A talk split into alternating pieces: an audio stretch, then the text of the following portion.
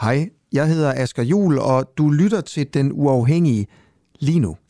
Du skal bare lige huske, at vi sender live hver morgen fra 7 til 9 på vores app.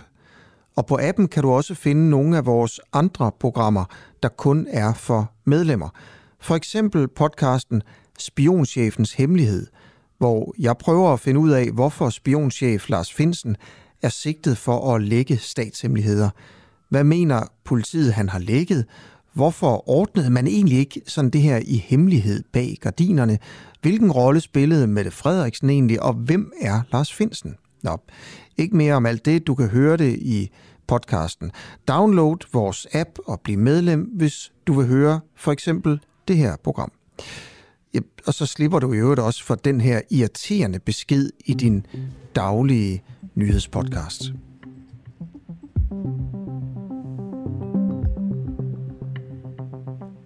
Velkommen til en uafhængig morgen med Camilla Boraki.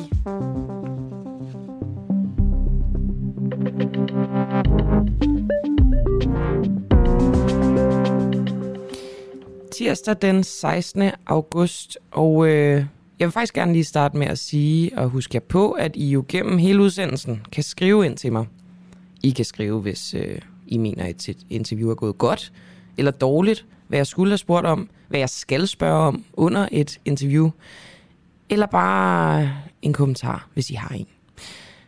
Det kan I gøre på 1245, hvor I skriver DUAH, et mellemrum, og så jeres besked, eller inde på Facebook, hvor vi jo som altid sender live. Der kan man skrive i kommentarfeltet. Og øh, vi starter på, hvad skal man sige, den, øh, det jeg vil kalde for den mindst øh, overraskende melding i dansk politik hele året. Nemlig at de konservatives formand Søren Pape Poulsen i går meldte sit statsministerkandidatur forud for det kommende folketingsvalg.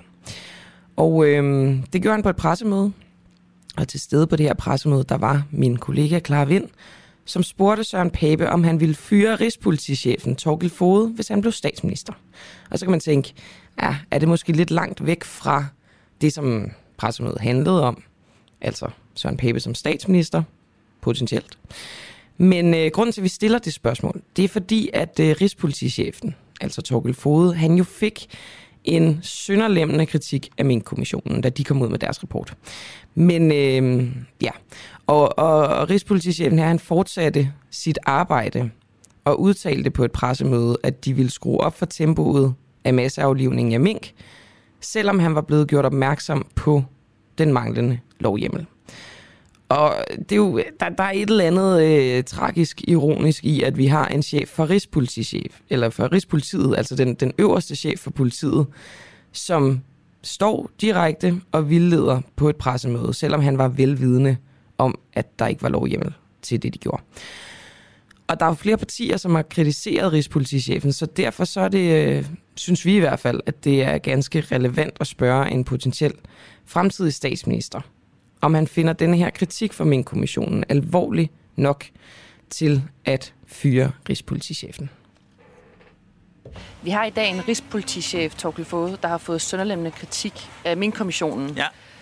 Hvis du bliver statsminister, skal han så fyres? Jeg kunne ikke drømme om på et pressemøde at stå og udtale mig om personalpolitik. Men jeg vil gerne sige om hele den sag, der har været om min kommissionen. Jeg synes, det er påfaldende, at der kommer en kommissionsrapport med så voldsom kritik af en række embedsmænd, og så lader man dem hænge ude i uvidsheden. Det synes jeg ikke er ordentligt. Men hvis det stod til dig, skulle han så fyres? Jeg kommer ikke til at omtale fyringer og personale. Jeg synes bare, Har kort du og godt... kritikken? Ja, men prøv at høre. Synes du, den er alvorlig nok til en fyring? Det, der skulle være sket i den sag, det var selvfølgelig, at med det samme den kommission var kommet frem, så skulle de embedsmænd, der er belastet den rapport, være sendt hjem, og så kunne man være begyndt at kigge på hurtigt, hvad giver det anledning til? Hvem skal tilbage? Er der nogle tjenestlige sager, der skal føres? Det, der sker lige nu, synes jeg simpelthen ikke er ordentligt. Skal du så have en ny departementchef, hvis du bliver øh, Men statsminister? jeg kommer ikke til at gå mere ind i det, end det, jeg har sagt her. Men jeg du synes ikke, at kritikken, som den ser ud nu, er alvorlig nok til, at du allerede nu vil kunne sige, om det vil være en person, du vil have arbejdet for dig eller men, ikke? men det skal være ordentligt, det her. Vi laver ikke personale sager på pressemøder. Jeg har sagt, hvad jeg mener om det. Man burde have sendt alle hjem på dag 1, og så burde man have sat sagerne i gang med at finde ud af, hvem skal tilbage, og hvem kan ikke komme tilbage. Så du synes alligevel, det er alvorligt nok til, at de skal sendes hjem, men du vil ikke kunne udtale dig om, om det er alvorligt nok til, at det er nogle mennesker, du vil have arbejdende for dig? Jeg synes bare ikke, det er ordentligt, at vi politikere står og har mange samtaler om embedsmænd. Altså, det skal man klare øh, i et andet spor, ikke på et pressemøde. Det var jo, øh, jeg ved ikke, om I så det her pressemøde, men, øhm, men det var ret interessant at bemærke, at han sådan ret standhaftigt nægtede at gå ind i, i flere ting.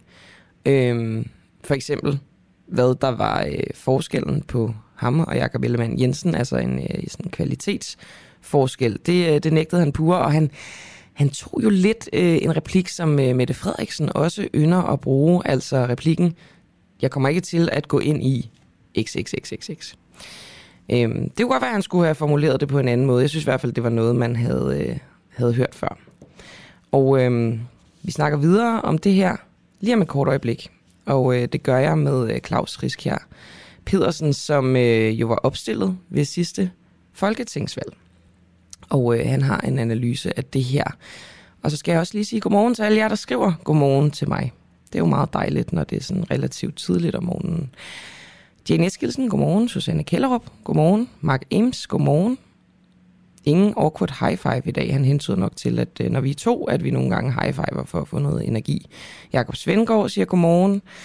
Og Hans Rebel, han siger godmorgen, så blev klokken syv væk fra P1 morgen over på den uafhængige. Godmorgen til jer alle, og hilsen fra Køgebuk motorvejen. Jeg håber ikke, du sms'er og kører bil, Hans. Og Jakob Lund også, godmorgen til dig. Nå, men altså, bliver Søren Pape Poulsen landets næste statsminister? Som sagt, så øh, meldte han sig på banen i går. Søren Pape Poulsen, altså sit øh, statsministerkandidatur frem mod næste valg. Og øh, Claus øh, Riskjær Pedersen, godmorgen til dig først og fremmest. Ja, godmorgen.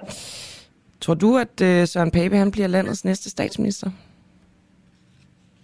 Altså, hvis vi først lige ser på, på selve det, at vi får en ekstra statsministerkandidat i Blå Blok, det ser jeg egentlig ikke som så stort et problem. Altså, han har jo en anden profil, end, end Jacob Ellemann har. Han er, han er jo nationalkonservativ, kan man sige. Han har understreget udlændingepolitikken, skal vi sige, igen igen. Øh, og han er jo også, øh, skal vi sige, har altså en tilbageholdende finansieringspolitik af den offentlige sektor, altså velfærdsstaten. Så på den måde kan man sige, at han jo lægger sig ind i lejren med, med Nye Borgerlige og DF og, og Støjbergpartiet og sådan noget. Så man kan sige, altså, Øh, der er jo en gruppe borgerlige vælgere, som uden tvivl vil se det som en, en fin øh, ting, at han ligesom øh, træder frem med den profil, han har. Øh, hvor Jacob Ellemann jo nok af andre ses mere som sådan lidt mere storbyagtig, øh, byliberal, socialliberal, øh, beskytter velfærdsstatens grund elementer, men slår ned på overforbrug, som vi ser med at forestå, at jobcentrene skal lukkes. Noget jeg også selv gjorde i valgkampen i 2019, så det der kun på tide for det gjort.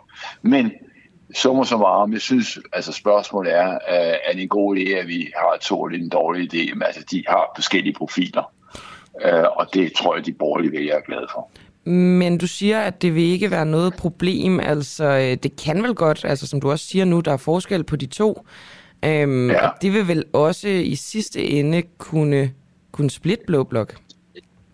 Og det synes jeg ikke rigtigt. Altså, ikke objektivt betragtet. Altså, der, der er ingen tvivl om, og det ved enhver jo, altså, der skal jo findes en løsning på, hvem skal være statsminister. Og øh, det er jo udgangspunktet må selvfølgelig være, hvem der har fået det bedste valg. Øh, hvilke partier har fået det. Øh, teknisk set så drejer det sig om, hvilke og hvor mange mandater, der peger på en. Men øh, det er jo ikke bare et spørgsmål om, hvor mange, det er også hvilke mandater. Øh, vi skal have et, en, en borgerlig regering med en statsminister, der, der kan bære igennem og også kan lave brede politiske forlig og sådan noget. Så man kan måske være lidt bekymret over, hvis man er for meget tit over mod den her sådan, udlændingefløj i Folketinget, som jo er, har den der faste størrelse på, hvad er det, 15 procent eller sådan noget, den der sådan strammerfløj, øh, den højre fløjene af borgerlig politik, den er stort set fast, tror jeg nok. Så, men altså, igen kan man så sige, at vi sidder og diskuterer et helt akademisk anlæggende måske, fordi jeg tror egentlig slet ikke, at vi, altså, og vi har den ene eller den anden kandidat, spørgsmål, får vi overhovedet en borgerlig statsminister, ikke? Det er måske mere det, vi skal diskutere, end, end om den ene eller anden passer. Jeg tror, det har en stor betydning. Nej, okay. Men, men jeg vil sige, det, det er jo interessant det her, at du, øh, du understreger med, at Søren Pape, han markerer sig mere på den her stramme udlændingepolitik. Det gjorde han jo også i går ved, altså det beder jeg i hvert fald mærke i, da han nævner fornavne på alle sine venner i den blå blok. Der, øh, der nævner han jo ikke Sofie Carsten ja, ja. Nielsen, som ellers har bejlet til den fløj, og det er vel, det tænkte jeg i hvert fald, det kan du måske svare bedre på, var en markering af, at de værdipolitisk ikke ligger samme sted. Nej, men altså, da vi ved jo, hvad der er sket, og hvem der er gået over det konservative folkeparti, og vi havde jo Carter siddende derovre og, og, i sin tid, ikke? Og altså, det, det, det er et... Altså, der er jo borgerlige vælgere i, altså specielt vil jeg sige i storbyerne, ikke? Øh, og, og specielt også de yngre og sådan noget, der tror jeg, at det er svært ved at se.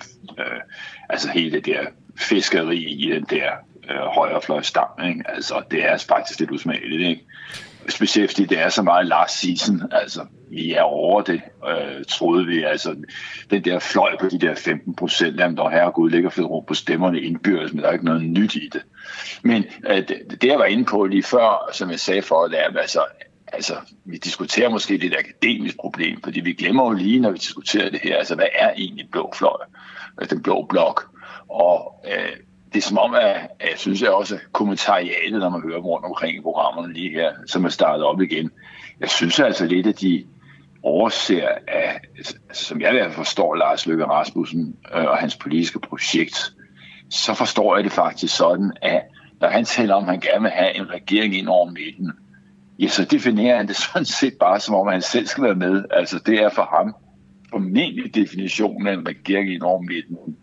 Og hvis det er korrekt, så er vi jo en helt anden problemstilling, fordi hvis Moderaterne så har kommer op på de der 3-3,5 procent af stemmerne, hvad nogle øh, undersøgelser tyder på, øh, ja, så har vi jo sådan set en situation, hvor, en, en, en, øh, hvor, hvor Lars Løkke Rasmussen kan øh, lave samarbejde med de radikale og S og, og SF, og så har han sådan set en regering øh, hen over midten, fordi han er selv gået med. Og i hans egen optik, så er det en regering over midten, og så hvis øh, radikale også er det, så har de jo løst deres indbyrdes problemer. Så jeg synes faktisk, for, ikke for at ødelægge morgen for nogen, men jeg synes, som jeg lige ser det lige nu, altså med moderaterne på 3-3,5 procent af stemmerne, hvis det virkelig er tilfældet, og den øh, holdning, som Lars Lykke har til at definere sig selv som midten af dansk politik, også hans egen selvforståelse, øh, så kan jeg ikke se andet end, at lige nu peger øh, pilen altså på, på Mette Frederiksen, der øh, ender på, på R og Moderaterne og, og så de gamle støttepartier. Ikke? Men, men, men der, og det kan godt være, at jeg bare... Øh hvad skal man sige, tager erfaringerne med, og det er svært for, for mig at se ham pege på en, der jo var hans, øh, hans modstander tilbage i, i 2019. Men, men tror du virkelig det? Altså, øh, jeg, jeg synes, en, en venstre statsminister, der så godt nok laver et nyt parti, men så ender med at pege på en socialdemokrat.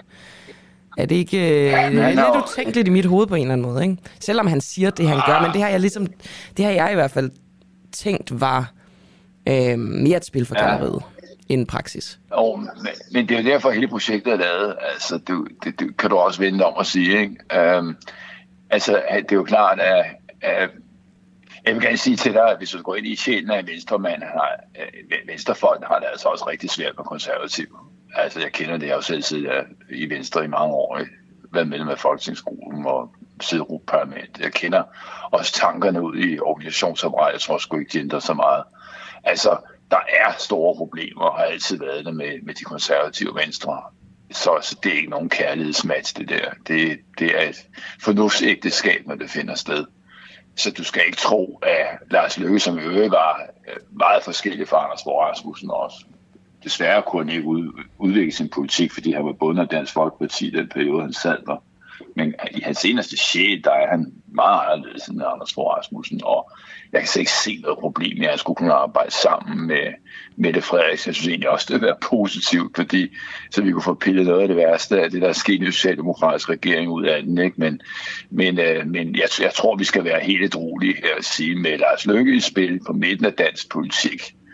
Øh, øh, med den holdning, han har. Så, så lidt afhængig af, hvor meget Inger Støjberg får stjålet fra, øh, fra Socialdemokraterne, og hvor meget noget af det kan Søren Pape måske nu samle op på vej med den måde, han har lagt sig på at tage lidt af størrelsen af Støjberg. Jeg ved ikke, hvor meget det bliver, men jeg tror bare, vi skal, som altså dem, der er borgerlige sindet, må nok øh, indse, at øh, det her må muligvis ende i en situation, hvor øh, de radikale moderaterne går ind, og, og, og så kommer SF selvfølgelig også med, eller det kan være et parlamentarisk grundlag, det kan også være en regering.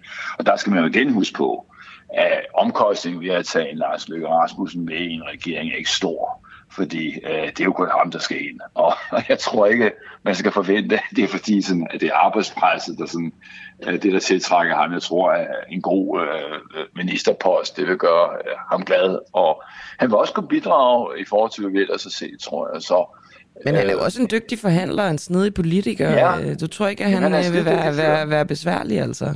Jo, nej, han er skidedygtig fyr, og, og, og der er jo mange af os, der ryger os jo. Altså, nu der, hvor jeg ligger politisk, jeg, jeg har jo ikke så meget mod socialdemokrater, altså, men jeg har haft det svært med, med, med den socialdemokratiske regering og den måde, de har håndteret tingene på. Altså, det er den der sådan, øh, styrings, det er deres mani og deres øh, måde, de reagerer på over for folk og arrogancen. Og jeg var vildt uenig i den måde, man rullede coronanedlukningerne videre på i det uendelige og ikke ligesom løsne lidt op og Øh, altså, der, der er ekstremt mange problemer set med, med, med nogle af jeres øjne i, i den måde, Socialdemokraterne har gjort det på. Øh, men det, der tror jeg da rent faktisk, at både en, en øh, Sofie Carsten Nielsen og en Lars Løkke vil være noget, der kunne hjælpe gevaldigt på det. Jeg tror ikke, at det bliver en Lars Løkke, der skræmmer enhedslisten væk. Det tror jeg sgu ikke på. Så, så må ikke, at vi må indse, at øh, vi, vi kommer ud af det her valg forhåbentlig da som minimum en opblødning af øh, den socialdemokratiske regerings øh, form, øh, som mange af os finder ganske utålelig. Og det kan måske øh, gøre det hele meget godt. Øh, men når vi sidder og diskuterer blå statsministerkandidater, bliver det Jacob Ellemann, eller bliver det Søren Pape, så er det et lidt efter min opfattelse, det kan være, at jeg ser det forkert, men jeg føler sådan, det ja, okay, fint nok, lad os bare snakke om det, men sandsynligheden for, at det sker, med fragmenteringen på i Blå Blok og med, med, med hvad der sker i det hele taget. Den, den er nok mindre med det ene forbehold selvfølgelig, at Støjberg får taget uforholdsmæssigt mange flere stemmer, man regner med fra Socialdemokratiet. Altså, så det er jo klart, det kan jo ændre tingene gevaldigt. Men igen, vi har set nye partier, der starter op, og der er altså noget vej fra, at man lancerer sig til, man står i en budrende valgkamp. Vi skal huske på, der skal jo lige i Strøbergs tilfælde smækkes en 20-25 troværdige kandidater på banen, ikke? og hvor er de egentlig hen, og hvem er det? Så der er meget nu, øh, men jeg synes, det, man skal da sige tillykke til Søren Pape, og jeg synes, det er godt, at han stiller op, og det er fint, der er yderligere tilbud i borgerlig fløj, og jeg ser ikke, at det er et problem, som Mette Frederiksen er ude og sige, at jeg bliver forvirret af to kandidater, ah, som bliver forvirret af det, så er der sgu så meget andet, vi kan blive forvirret i rød fløj i hvert fald. Ikke? Så sådan er politik, og velkommen til Pave. Øh, hvad det kommer til at betyde i den sidste ende, det er jeg mere usikker på. Tusind tak for det, Claus Riskjer. Altså, øh, du er også opstillet ved øh, Folketingsvalget tilbage i 2019. Øh, med partiet af samme ja. navn, som var et, øh, det kan jeg jo lige deklarere, et rødt konservativt parti, hvor du pegede på Lars Lykke Rasmussen. Tak fordi du var med. Jeg var, ja, jeg var faktisk den eneste, der gjorde det til sidst, tror jeg. Jeg var ikke engang ham selv længere med. Nej, okay, jamen så, altså last man standing. Jeg sagde også til ham, jeg sagde til ham, jeg synes, jeg står noget alene her, Lars. Altså, jeg er lige før, jeg er den eneste, der peger på dig, du gør det ikke engang selv længere. Så, så, så det var meget sjovt, men, men, men, det, men, men det er rigtigt. Øh, men det var sådan set også udtryk for den samme anerkendelse af, hvor, hvor, hvor har vi løsningsfelt i dansk politik. Og det er også det, jeg ligesom har sagt i mine, mine kommentarer her. Jeg tror, man skal forvente det derinde, at, at det sker. Og øh, med respekt for selvfølgelig det forbehold med, med Støjberg, at vi ikke rigtig ved, hvad der sker. Men det kan altså gå begge veje med hende, vil jeg lige sige. Så lad os vente og se, og lad os få en god og spændende valgkamp, og den dukker op. Tak for det, Claus Riskjær, og god dag til dig. Ja, tak. Ja, godt. Det var meget rart med et lidt andet perspektiv, end, øh, end det vi får i, i alle de andre medier, som jo rigtig nok taler meget om det her øh, Ellemann versus øh, Pape, hvad det vil gøre for Blå Blok, er det en fordel for Rød Blok, øh, og så videre. Øh, nu skal vi til noget, som... Øh, jeg ved faktisk ikke, om jeg lige skal tage nogle nyheder før, men så kan jeg da i det mindste lige tease for, hvad der sker efter de nyheder. Jeg skal spille et øh, interview, som jeg selv har lavet med Samir Nava, der er retsordfører for Radikale Venstre og næstformand i Folketingets retsudvalg. Hvorfor interviewede jeg hende i fredags? Det gjorde jeg, fordi at øh, regeringen er kommet med et nyt lovforslag til en ændring af offentlighedsloven. Og øh, det var jo altså noget, der faldt ret mange for brystet, mig selv inklusiv. Netop fordi, at i kølvandet på min kommissionens rapport og det pressemøde, hvor at øh, regeringen ligesom stod og skulle øh, stå til ansvar for kommissionens øh, konklusioner, jamen der stod Mette Frederiksen jo også og sagde, vi skal have kigget på offentlighedsloven, vi skal øh, lempe den osv. osv. Det er jo noget, man har forsøgt mange gange uden held. Og nu kommer de så med det her forslag, og øh, altså man kan jo fremlægge det på to forskellige måder. Den ene måde, som vil være regeringens ord, det er, at man øh, beskytter offentligt ansatte mod øh, hits og øh, trusler. Den anden måde, som er mange eksperters udlægning, det er, at det simpelthen bliver sværere at få agtindsigt, blandt andet fordi formuleringerne i det her nye lovforslag, det, øh, det gør loven så elastisk, at den i virkeligheden kan tolkes ret meget efter for godt befindende. Nå, tilbage til Radikale Venstre og Samia Nava. I november måned, der i gang satte Sofie Karsten Nielsen, som jo er leder af, af Radikale, denne her øh, kampagne mod Mette Frederiksens magtfuldkommenhed. Det som endte med, at, øh, at de har sagt, at de vil vælge regeringen, hvis ikke der er udskrevet valg, inden Folketinget åbner. Og øh, hun er i gang sat kampagnen med at sige, offentlighedsloven skal laves om. Vi skal have en åbenhedslov. Og det fører mig også hen til, at radikale som støtteparti, det må jo også falde dem for brystet, når regeringen står og siger et på et pressemøde, at de vil lempe offentlighedsloven, at de så i praksis kommer med et lovforslag, som vil stramme offentlighedsloven. Og øh, det spurgte jeg Samia Nara om, øh, hvordan de ligesom øh, ser på det. Er regeringens nye lovforslag til ændringer i offentlighedsloven et godt forslag? Nej, det synes jeg faktisk ikke, det er. Øh, jeg kan godt forstå hensigten med, at man gerne vil beskytte nogle offentlige ansatte mod chikane. Altså den hensigt, øh, den, den deler jeg også. Men jeg er ikke sikker på, at deres løsningsforslag nødvendigvis er særlig godt, fordi man får indskrænket offentlighedsloven faktisk en lov, som vi rigtig gerne vil udvide og åbne endnu mere op. Tror du, det er den eneste hensigt? Altså, det er i hvert fald sådan, jeg hører justitsministeren, øh, så, øh, så, så det må jeg da tage, øh, tage, tage for gode varer. Skal jeg forstå det sådan, at I kommer til at stemme imod, når der skal stemmes om det?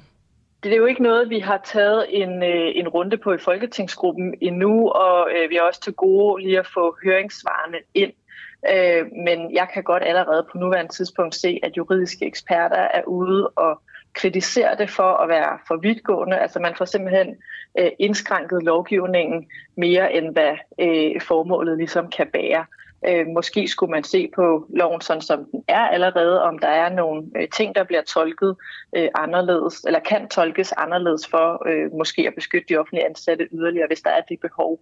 Øh, så, så derfor, sådan som, øh, som landet ligger lige nu, øh, så vil vi ikke øh, kunne bakke op om, om det lovforslag.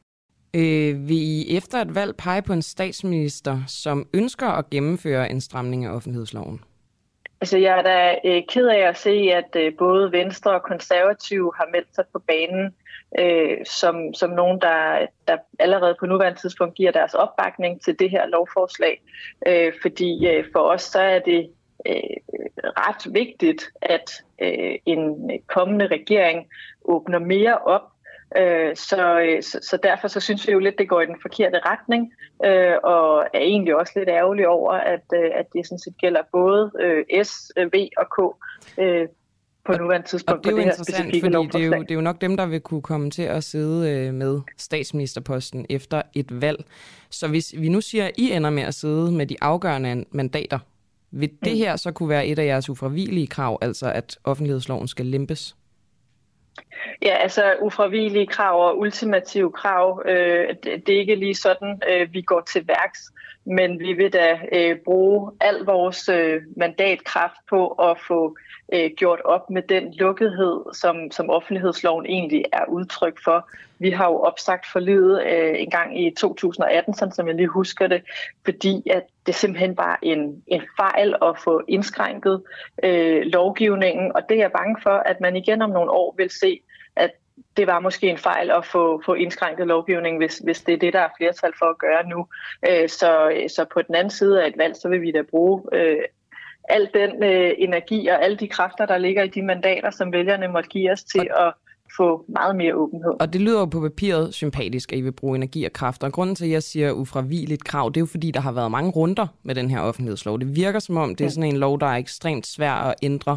Og jeg søger egentlig bare at vide, fordi det er jo også en forhandling, når man skal lave regeringsgrundlag. Jeg søger egentlig bare at vide, hvis vi skal bruge dine ord, hvor meget energi I vil bruge på det. Altså, kunne det ikke være en idé at sætte det som et ufravigeligt krav, når man nu ved historisk set, at det er en svær lov at få ændret? Altså, jeg tror, at min partileder Sofie Carsten Nielsen har sagt, at øh, det har en ret stor betydning for, øh, hvor vi lægger os, altså øh, i forhold til en øh, rød eller blå regering, altså det her med at få ændret offentlighedsloven. Øh, og, øh, og i virkeligheden, så kunne vi jo godt tænke os øh, Men hvad gør I så, hvis, hvis begge to vil, vil stramme? Altså, hvor står I så? Jamen, vi må jo se, hvordan øh, mandaterne ligesom, øh, ligesom taler, og hvor meget øh, hvad skal man sige, øh, kraft og mandatstyrke vi får i ryggen af vælgerne. Men øh, det vi har sagt nu her øh, til regeringen, øh, den, den siddende regering, er jo også, at vi skal have et, øh, et folketingsvalg, og en af grundene til det, det er jo også for at øh, få noget mere åbenhed i regeringsførelsen. Øh, så vi, øh, det her det er jo et tema, vi har været villige til at, at, at tage et, et valg på, kan man sige. Mm. Ikke? Øh, så det er ikke fordi, at, at det, er, det er for sjov, at vi lige siger det. Øh, heller ikke selvom, at jeg ikke lige øh, vil kalde det et ufravilligt krav eller et, et ultimativt krav. I, I ønsker ligesom at gøre op med, øh, med etpartisregeringen og, og den nuværende regerings magtfuldkommenhed. Mette Frederiksen hun lovede jo på pressemødet efter Mink-kommissionens rapport, at man ville kigge på at lempe offentlighedsloven. Mm. Synes du, at det her nye lovforslag lægger op til mere eller mindre magtfuldkommenhed? Altså jeg synes, det her lovforslag det lægger op til mere lukkethed. Øh, og, øh, og det her, det, der er jo tale om det hjørne, der handler omkring de offentlige ansatte, altså dem, der øh, ude i øh, kommunerne eller ude i øh, politiet sidder og behandler borgernes øh, sager, og skal der være agtindsigt, mulighed for agtindsigt i det. Det mener vi radikale venstre, der skal være, øh, også for at sikre øh, retssikkerheden for borgerne, som får behandlet deres sager om øh, førtidspension eller øh, skat, eller hvad det nu måtte være hos, øh, hos myndigheder. Peger det her på, at Mette Frederiksen kan blive en god samarbejdspartner i en ny regering, når hun allerede nu siger, hun vil lempe på en lov, som skal skabe mere åbenhed, gør det modsatte? Jeg er i hvert fald øh, ordentligt irriteret over, at regeringen lægger det her lovforslag frem og hvad skal man sige, udviser en øh, ret hurtig handlekraft, når det øh, kommer til at lukke mere af, øh, men altså knap så meget øh, og knap så hurtigt, når det kommer til at åbne op. Altså, kan det så få decideret øh, betydning for, om I vil pege på hende? Øh, det har i hvert fald øh, det har, det har betydning for, for os i radikale venstre, øh, og det har det haft lige siden, at, øh, at loven omkring, øh, altså offentlighedsloven ligesom blev til. Det er interessant det her med, at de overhovedet foreslår det, og hvad det ligesom siger i forhold til, om I vil kunne pege på en statsminister, der siger et, og gør noget andet i forhold til en sag, der er så vigtig for jer. Jamen altså, det, det, kan jeg ikke, øh, det, kan, det kan jeg jo ikke sidde og sige, at det betyder, at vi så øh, aldrig øh, vil, kunne, vil kunne pege Men i hvorfor, den retning. hvorfor egentlig ikke, altså når det er så vigtigt for jer, og når hun gør noget diametralt modsat af, hvad hun lover, og hvad I ønsker?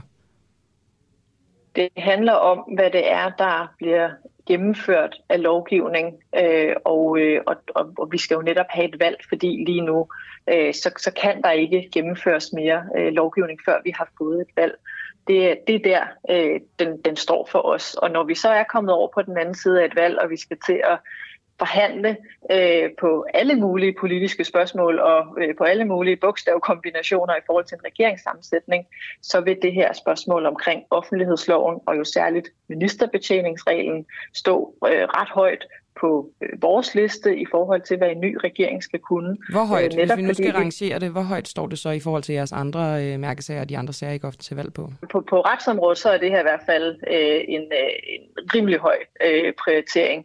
Øh, og for radikale men, samlet men, set? Jamen, så har det også en høj prioritering. Altså, det er jo ikke for sjov, at Sofie Carsten Nielsen har været ude og, og melde øh, på det her som partileder. Og det er jo også et spørgsmål, vi, vi tager et valg på, kan man sige, fordi øh, hvis man tager den videre, så handler det netop om regeringsmåde at, øh, at føre, øh, altså eller regeringsførelse, øh, og, og der synes vi jo, at offentligheden skal have mulighed for meget bedre kontrol, så man ikke bare får udleveret nogle, nogle sider, der er streget over med sort. Er det højere end klima for eksempel? Højere Jamen, jeg kan godt se, at du gerne vil have mig til at lave en uh, 1-10 liste, Meget øh, Camilla, men, men, men det kommer jeg altså ikke til. Øhm, øh, det, der er også nogle kort, øh, man øh, trods alt skal holde øh, tæt ind til kroppen, og det er måske øh, de her øh, forhandlinger, hvordan de skal foregå på den anden side af et valg, hvor vi ikke aner, hvem der kommer ind, og hvem der rører ud, og, øh, og hvor mange mandater de forskellige partier har. Til allersidst, synes du, at øh, det her er, øh, hvad skal man sige, et tegn på Mette Frederiksens øh, magtfuldkommenhed, ensidighed, at hun kommer med det her forslag nu?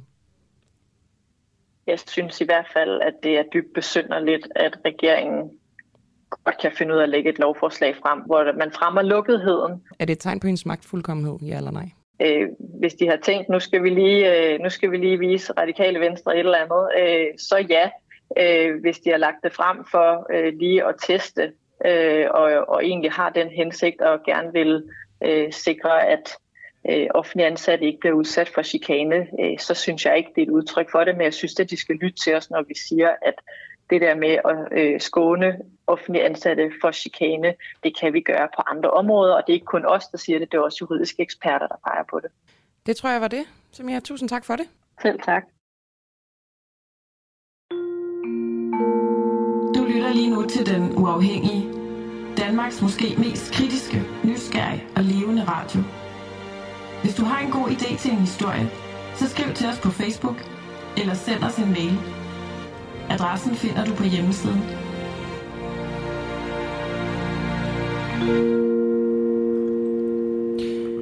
I går der var det et øh, år siden, at Taliban de overtog magten i Afghanistan. Den danske journalist Ahmad Walid Rashidi blev, imens han var på freelance-opgave i Afghanistan, anholdt og tæsket af Taliban. Fire dage efter, der blev han løsladt. Og øh, Ahmad, jeg vil gerne starte med at spørge dig, hvad du lavede i Afghanistan. Jamen, jeg var dernede, jeg tog dernede for at forsøge for at komme igennem den her, hvad kan man sige, betontæppe af Ukraine-dækning, der har været der. Jeg synes, øh, Afghanistan, som vi har delt land, vand og ja, frontkampe med i 20 år, fortjente for opmærksomhed og for, for, for at vise, hvad det egentlig der foregik. Hvordan var et regime under Taliban, det nye Taliban version 2.0, som man prædiker så meget om.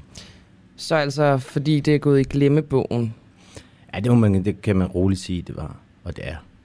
Så hvad var det mere specifikt, du søgte at afdække? Altså, jeg går ud fra, at du, øh, altså, der er en bred palet af ting, man kan dække hvad der sker i Afghanistan lige nu. Det er rigtigt, og jeg prøvede faktisk at distancere mig lidt fra det her, med den, hvad kan man sige, EU-centrisk dækning med kvinderettigheder og alle de her ting. Altså selvfølgelig er det jo også et problem, det skal man da under, undervurdere på noget tidspunkt. Og det er jo det, vi hører meget om, ja, hvis det vi hører nemlig. noget. Og det, og, det, og det værste af det hele er, at talibanerne er klædt så meget på, på til at svare på de her kritiske øh, kvindelige aktivistiske spørgsmål. Så det jeg egentlig prøvede at, at finde ud af at mødes med de her forskellige talibanminister om, øh, det var, hvad vil I? Nu har I magten. Øh, færre nok, sådan er krig jo. Nogle taber, nogle vinder. Nu har I vundet. Hvad er egentlig jeres politisk dagsorden? Hvad kan man se frem til?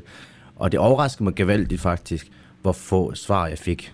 Øhm, og så prøvede jeg selvfølgelig at undersøge, hvad, hvad der var op. Og en af de måder, der man kunne få Afghanistan op på den internationale dagsorden, i hvert fald mediemæssigt, det var, da al-Qaida-lederen blev dræbt i Afghanistan, Kabuls mest grønne og mest sikre områder, Shipur-området.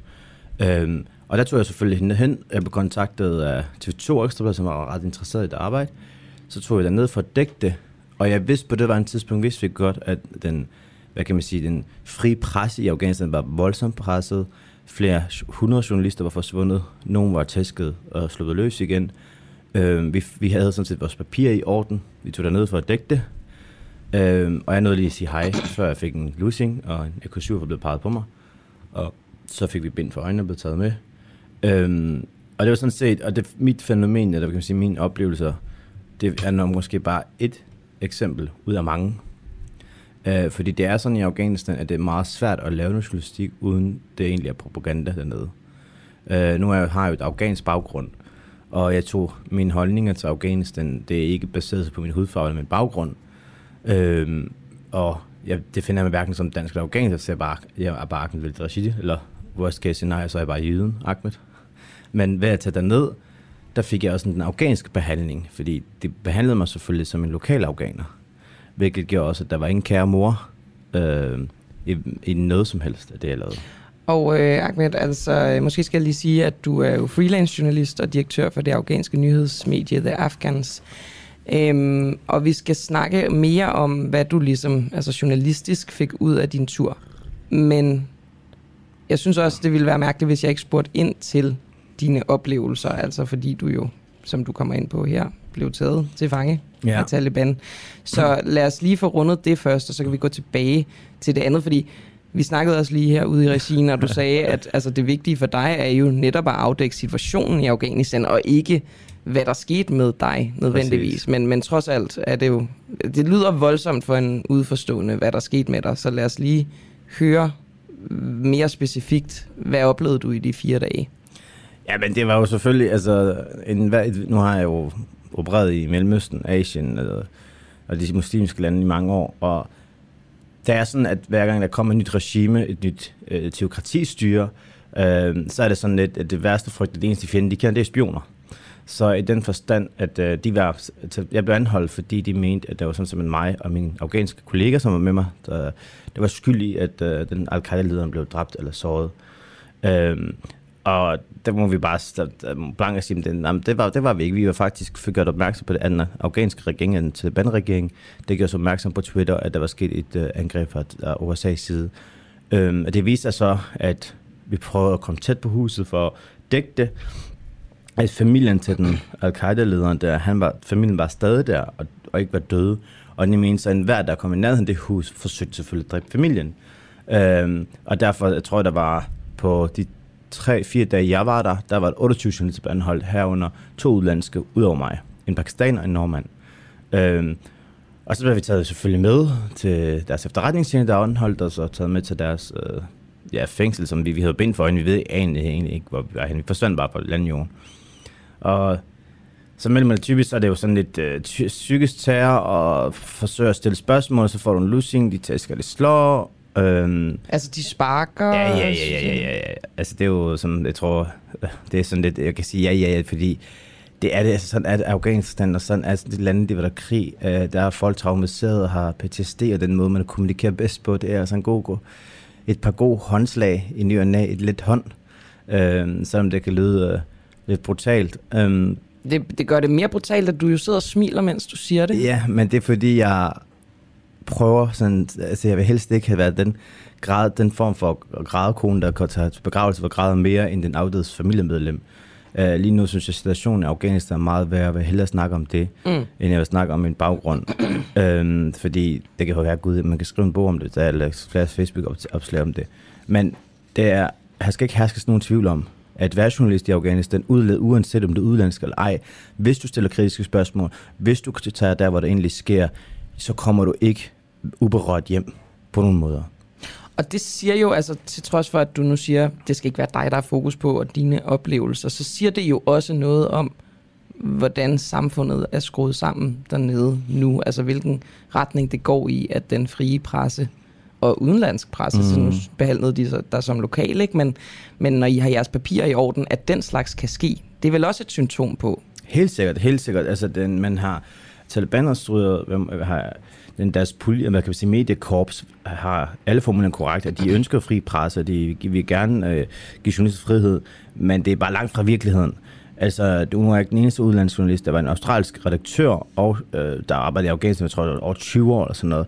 Hun blev også tilbageholdt, og fik adgang til sin telefon, og måtte skrive en undskyld, og blev deporteret. En nordmand, en pakistaner, der fik noget gevaldigt tæsk med hård behandling, end jeg nogensinde øh, kunne komme nærheden af. Jeg kunne høre ham skrige og råbe om natten.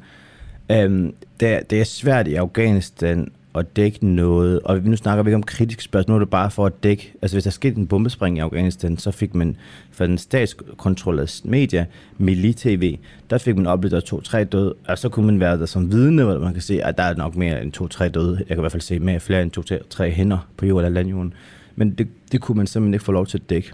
Så blev det godt forskæret, eller så fik man advarsler.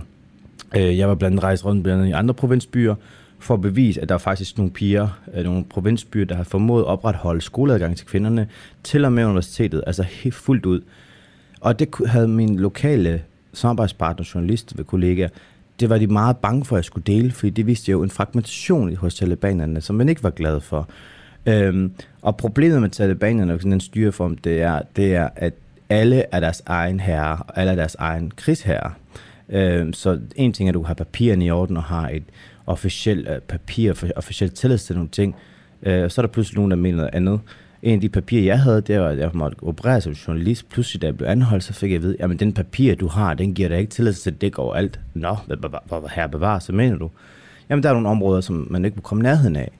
Nå, siger man, er den oversigt over det. Det var ikke det, jeg sådan set fik vide under den her samtale, tilladelse, jeg fik. Jamen, det er noget, de opretter lige nu. Så det er sådan lidt, man skal hele tiden spørge, og man skal have tilladelse, og det er svært at også som udlandsminister, når du kommer derned, fordi Taliban vil jo meget gerne have, at du dækker fattigdom, du dækker, hvad der sker i gaderne, øh, men de vil ikke have, at du dækker øh, administration, centraladministration, som kommer helt tæt på at være kritiske. Ikke kritisere styret. Ingen, ja, eller bare komme tæt på at observere det. Du ikke, altså kritik generelt, det er i sig selv utopi at kunne forvente, at det, det, det er muligt. Øhm, så, så der, der er lige sådan set fuldstændig ligeglad. Så det er meget svært at skille mellem nyhedsmedie og altså, at skabe eller fortælle om, hvad der foregår, også propaganda, fordi Taliban har de sidste to måneder nægtet at mødes, altså Taliban har nægtet at mødes og give adgang til journalister, men de vil meget gerne til, til deres pressemøder, så det, det virker lidt ligesom uden sammenligning, som Mette Frederiksen, der gerne vil møde op til aftenshowet, jeg ved ikke hvad, men ikke har lyst til at svare på journalisternes øh, øh, spørgsmål.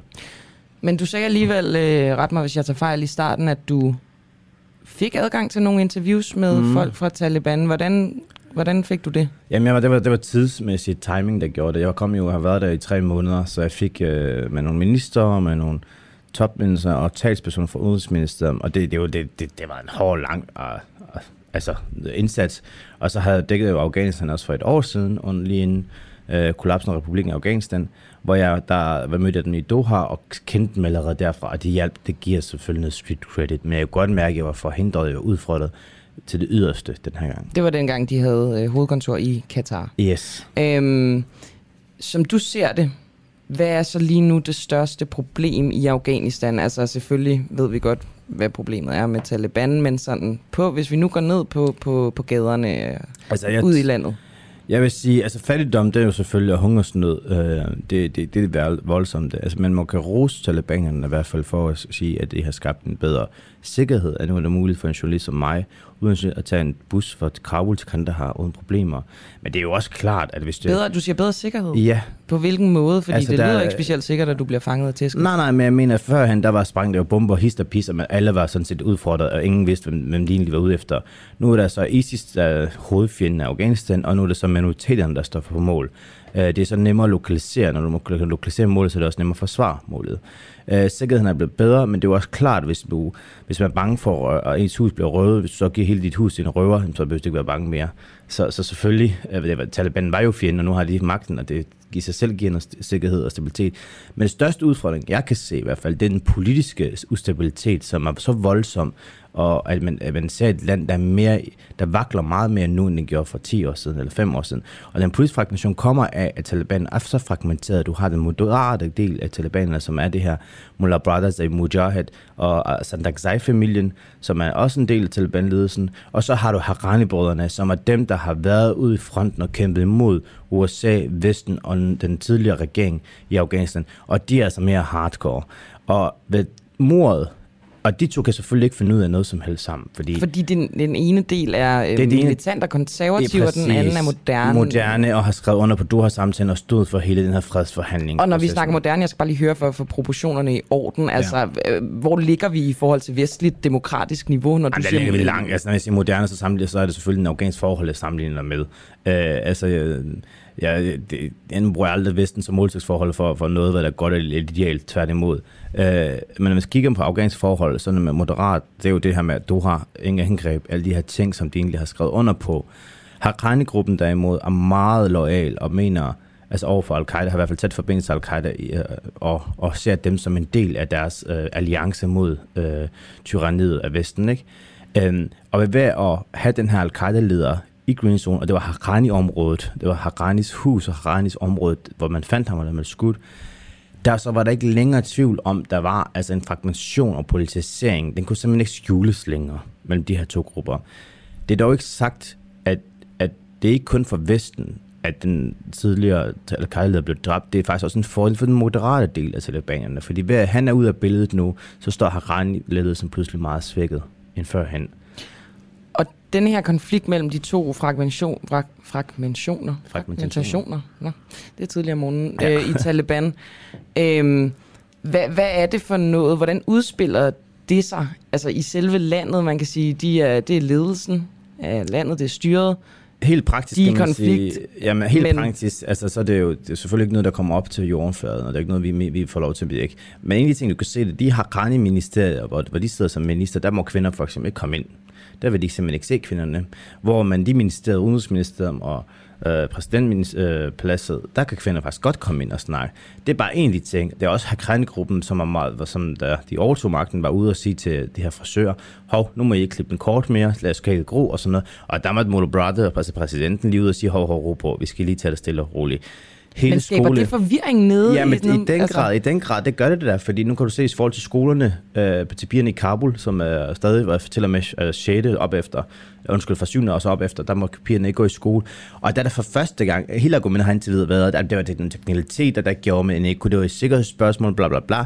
For første gang, efter at talsmanden han blev sparket ud, mistede en af sine øh, positioner, var han ude at sige, at det forskellige, øh, sk- hvad, hvad hedder det, skyldes religiøse uenigheder. Så selvfølgelig skaber det det uenighed. Altså, det skaber en forvirring på den afghanske gruppe, fordi de er sådan lidt, hvem vinder? For de står og vakler mellem lidt mo- moderne, moderate, og så mest de her Haqqani tidligere, øh, der har samme, samme mentalitet som tidligere, altså øh, den sidste regime, da de sad på magten.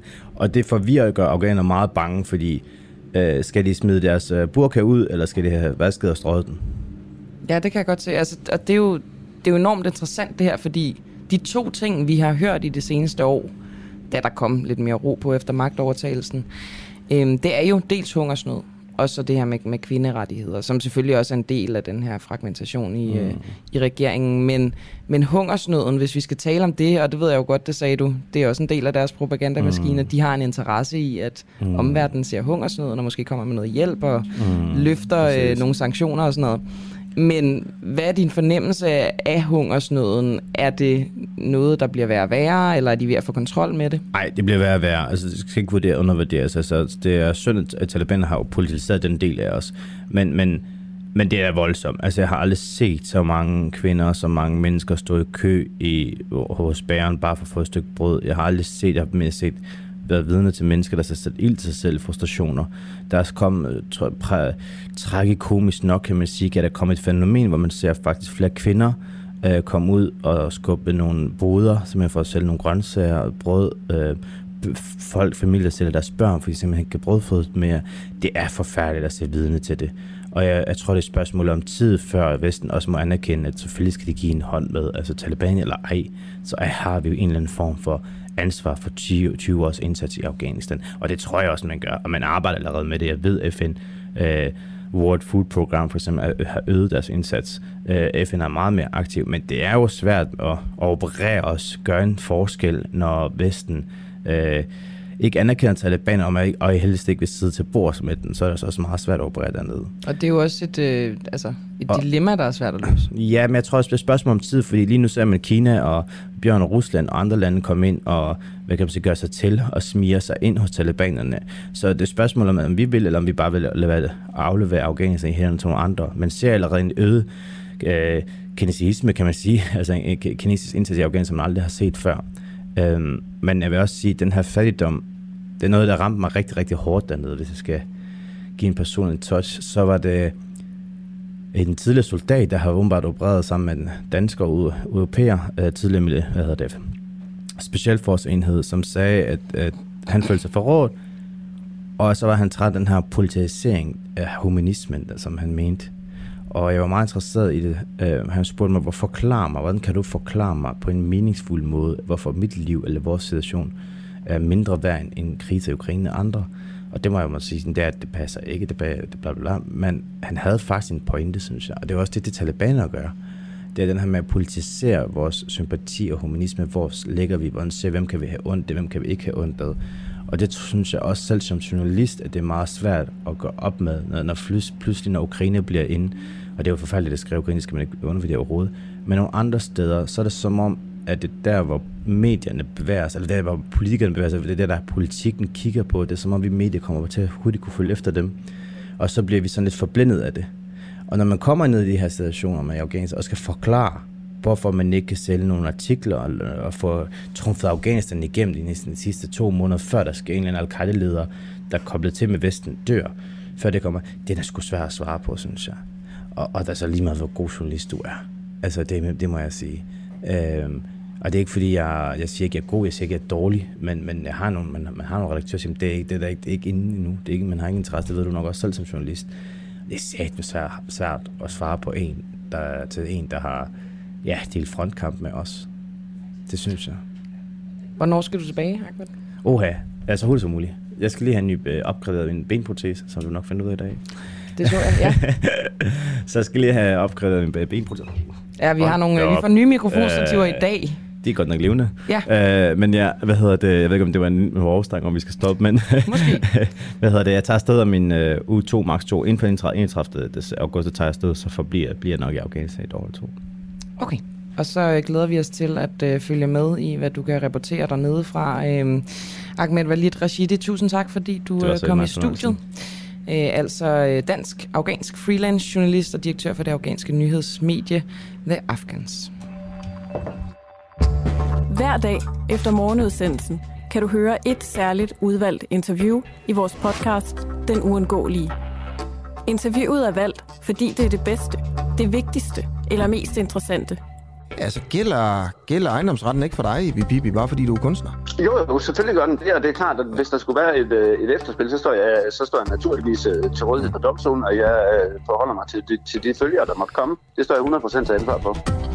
Du finder den uundgåelige i vores app, eller der, hvor du henter din podcast. Et nyt interview hver dag. For dig, som ikke fik hørt hele morgenudsendelsen, men ikke vil gå glip af dagens bedste interview.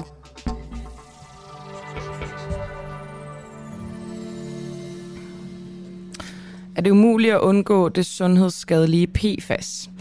Vores grundvand, grundvand i Danmark er forurenet med det sundhedsskadelige fluorstof kaldet PFAS, og øh, det er nærmest blevet sådan en øh, fast del af danske nyheder, at man hele tiden gør nye fund af det her stof. Og øh, nye prøver, som Miljøstyrelsen offentliggjorde i weekenden, de øh, slår fast, at alt havvand rundt om Sjælland også er forurenet med det sundhedsskadelige stof. Og nu skal jeg tale med Thor Svendsen, som er miljøingeniør hos Aquarden. Og Thor, øh, i virkeligheden så kunne jeg godt tænke mig at starte, og du må godt gøre det kort, men sådan, jeg har lyst til at spørge dig, hvad er PFAS? For vi ved godt, det er et øh, fluorstof, og det er øh, sundhedsskadeligt. Kan du give sådan en kort overblik over, hvad, hvad er det, og måske også, hvor det kommer fra? Og godmorgen. Jeg kan i hvert fald, ja, godmorgen. Jeg kan i hvert fald prøve. Øh, PFAS-stofferne, det er en hel stofgruppe med 5.000 forskellige stoffer eller mere, som er brugt i en hel masse produkter. Det kan være i vores Gore-Tex-jakker, i vores pander, hvor der står først stod PFOA-fri, nu står der PFAS-fri. Det har været brugt i brændslukningsskum, det kender vi for Korsør Brændskole. Så det har været brugt i en hel masse forskellige produkter. Pizzabakker. Og nogle, pizzabakker med mellemlægspapir. Alle de her forskellige produkter. Og det vil sige, at det er enormt bredt brugt. Og så er der nogle hotspots, det er ved en brandskole eller en flystation, men så fordi det er brugt alle steder, det vil sige, det er jo også i vores, når vi har vasket tøj, når vi har vasket biler, når vi har haft en sædebetræk, som, hvor, hvor du kunne spille hvad som helst, og så kunne du lige børste det af. Alle de steder har de her stoffer været brugt, fordi de har en masse positive egenskaber i forhold til vores forbrug, men de har bare også en masse negative egenskaber øh, på mennesker. Så derfor er de nærmest desværre nu overalt, og også i os. Og er det som, øh, som dansker umuligt, hvis jeg nu rigtig gerne ville undgå PFAS og indtage det? Er det helt umuligt for mig? Det er i hvert fald en udfordring, som det er nu. Men der skal man også bare huske på, at der er også altså, meget, meget små koncentrationer. Vil der nok være nærmest alle steder, men de krav, der bliver stillet til, til drikkevand og de her ting i Danmark, er også meget lave. Så, så, så altså for mit vedkommende personligt, der er jeg ikke så bekymret over den, den indtagelse. Men det er mere bekymrende, at, at, at, at det er overalt i, i, i hele systemet. Og det er jo ikke naturligt. Altså, det er mere det, der er meget, meget bekymrende for mig. Og når du, siger, når du siger alt i hele systemet, er det så sådan noget, vi snakker grundvand op og i græsset og øh, øh, ja, men det kan vi jo se. Det, og vi spiser dyrene og, og hele den vej. Ja, det er det jo. Men, men det, det er jo netop fordi, når det nu er i havvandet, det er i øh, en del drikkevand. Det er slet ikke alt vores drikkevand, der, der indeholder PFAS, men en del drikkevand, det er i, i mange steder. Og de steder, hvor der er lavet, jeg så det for nyligt, og det var næsten det, der var mest øh, for mig bekymrende, det var, at man snakkede om en normal værdi i mennesker. Det begynder man at snakke om en normal værdi. Det var det normale indhold, der var. Men det er altså ikke naturlige stoffer. Og når vi har gået det over, vi siger, at det er normalt at have øh, en vis mængde i os, altså, så, så, så vi ligesom taget et stort skridt til at acceptere, at det findes alle steder, hvis men, du forstår, hvad jeg mener. Jo, jo, jo, og det, kan, det, jo, det jo lyder på papiret skræmmende, men lad os nu sige normalværdien. Altså, kan du fortælle mig, om det er farligt? Eller hvad der er farligt ved at have den koncentration ja, og, af PFAS inde i sig? Helt, der er, mener jeg ikke, at det er farligt at have de koncentrationer, som, som vi har inde i os. Der, hvor det bliver bekymrende, det er, hvis man bliver eksponeret for ekstra, hvis, man er, hvis der er meget i det drikkevand, man, man drikker, hvis man har boet i nærheden af en, en, en brændskole eller de her andre ting. Men det er derfor, vi bliver nødt til at gøre en bred indsats for at sige, at niveauerne skal i hvert fald ikke stige, og vi skal ikke udsættes for mere end, end, end det her. Og så har man jo bare lige så stille og roligt fundet ud af, at de her stoffer, dels er de mange, mange flere af dem, end vi egentlig har gået og målt på og, og troet, der var. Og derudover så er de jo, øh, hvad kan man sige, relativt mere Altså, der er en grund til, at man sænker grænseværdierne. Det er ikke, fordi det er nyt, at, at de er der, men man har sænket grænseværdierne. Det er der jo en grund til. Men vi ved jo heller ikke, altså, jeg ved da ikke, hvor meget jeg har inde i mig. Nu kan jeg nok geografisk regne ud, at jeg ikke bor i et af de her hotspots. Øhm, ja. Men når man hele tiden gør nye fund, og man jo ikke har mål på alle danskere, så ved man vel heller ikke, om vi holder os inden for, for, for grænseværdierne eller for normalværdierne. Nej, det, det, det har du fuldstændig ret i.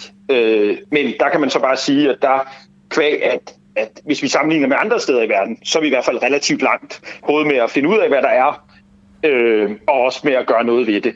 Så, okay. så, så, så, så på den måde, der, der, det, det giver dig lidt, øh, det må godt sige, det er jo ikke, altså, men, men, men det giver dig lidt øh, en tryghed i hvert fald, for mig. Og nu, øh, nu afslører jeg, at jeg ikke er nogen keminørd, men øh, du siger, at man kan bremse det. Kan man også rense vandet Vand for det? Kan vi, det er jo det, vi gør. Øhm, vi, vi lever af at, at rense vand for PFAS. Så det er, om det er drikkevand, eller om det er vand fra de her specielle hotspots. Så det kan man godt rense.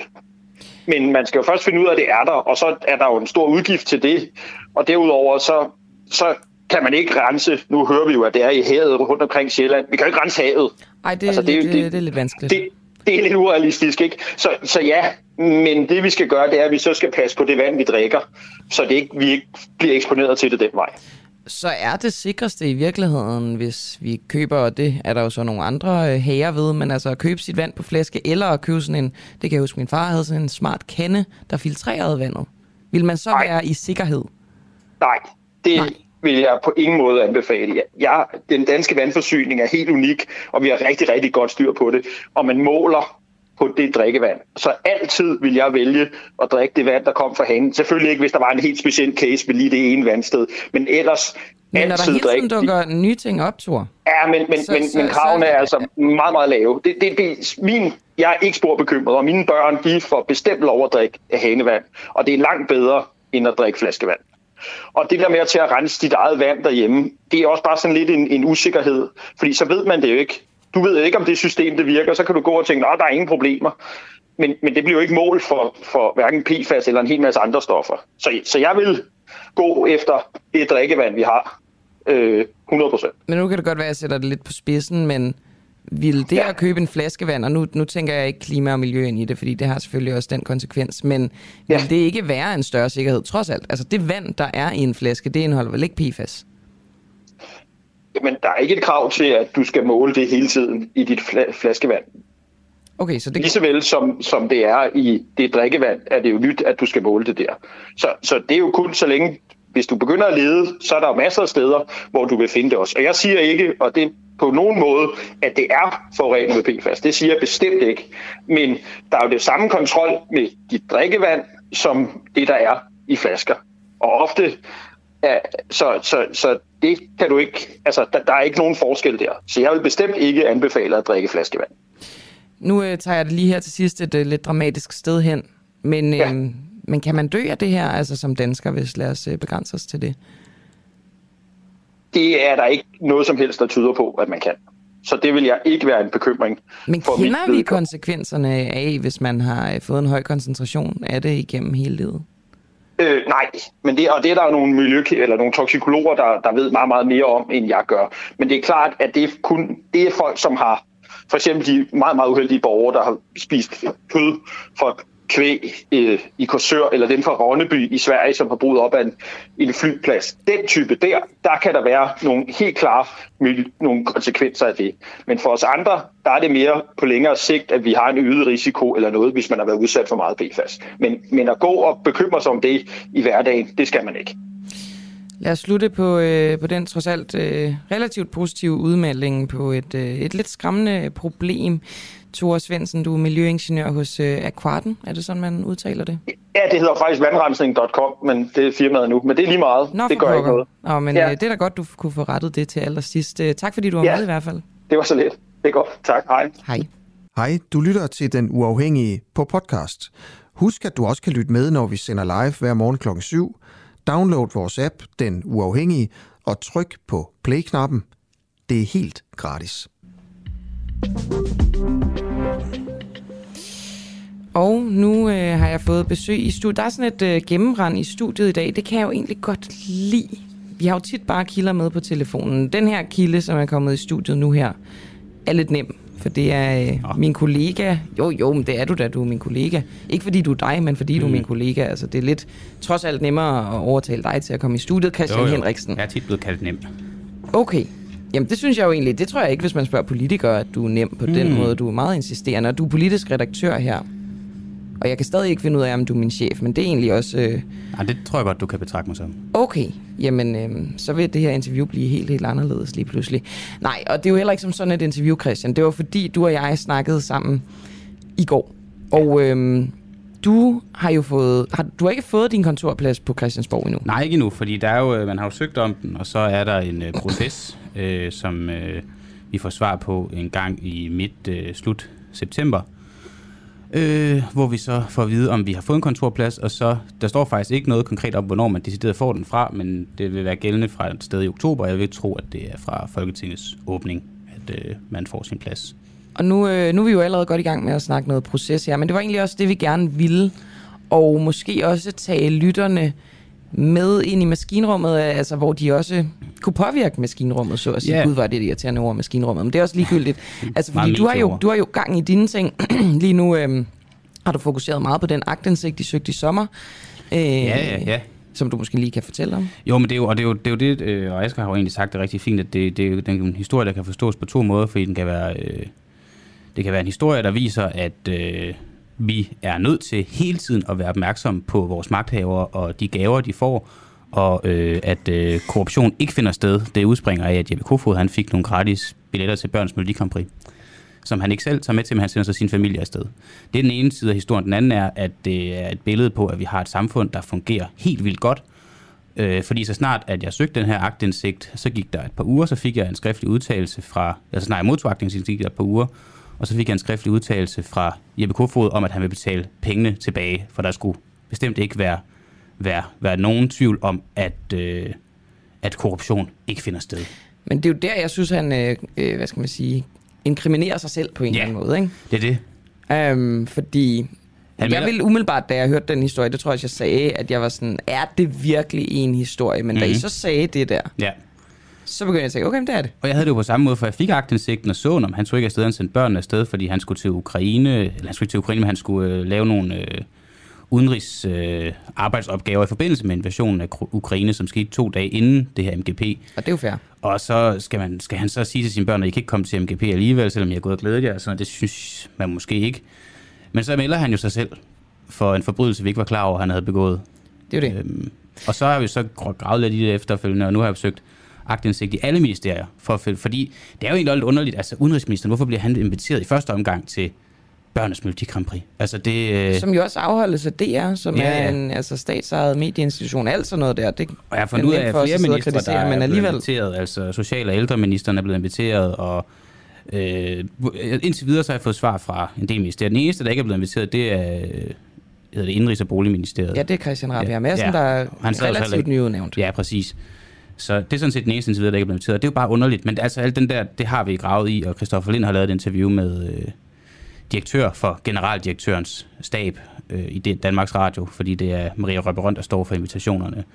Så, men det er jo lidt det, er jo lidt det vi har øh, arbejdet på. Øhm, og øh, så har jeg også kigget lidt, Lea Wermelin, hun har lavet en øh, klimaaftale med en tekstilvirksomhed. Det kan man også se mere om på vores, der er en lille Facebook-video på vores Facebook-side.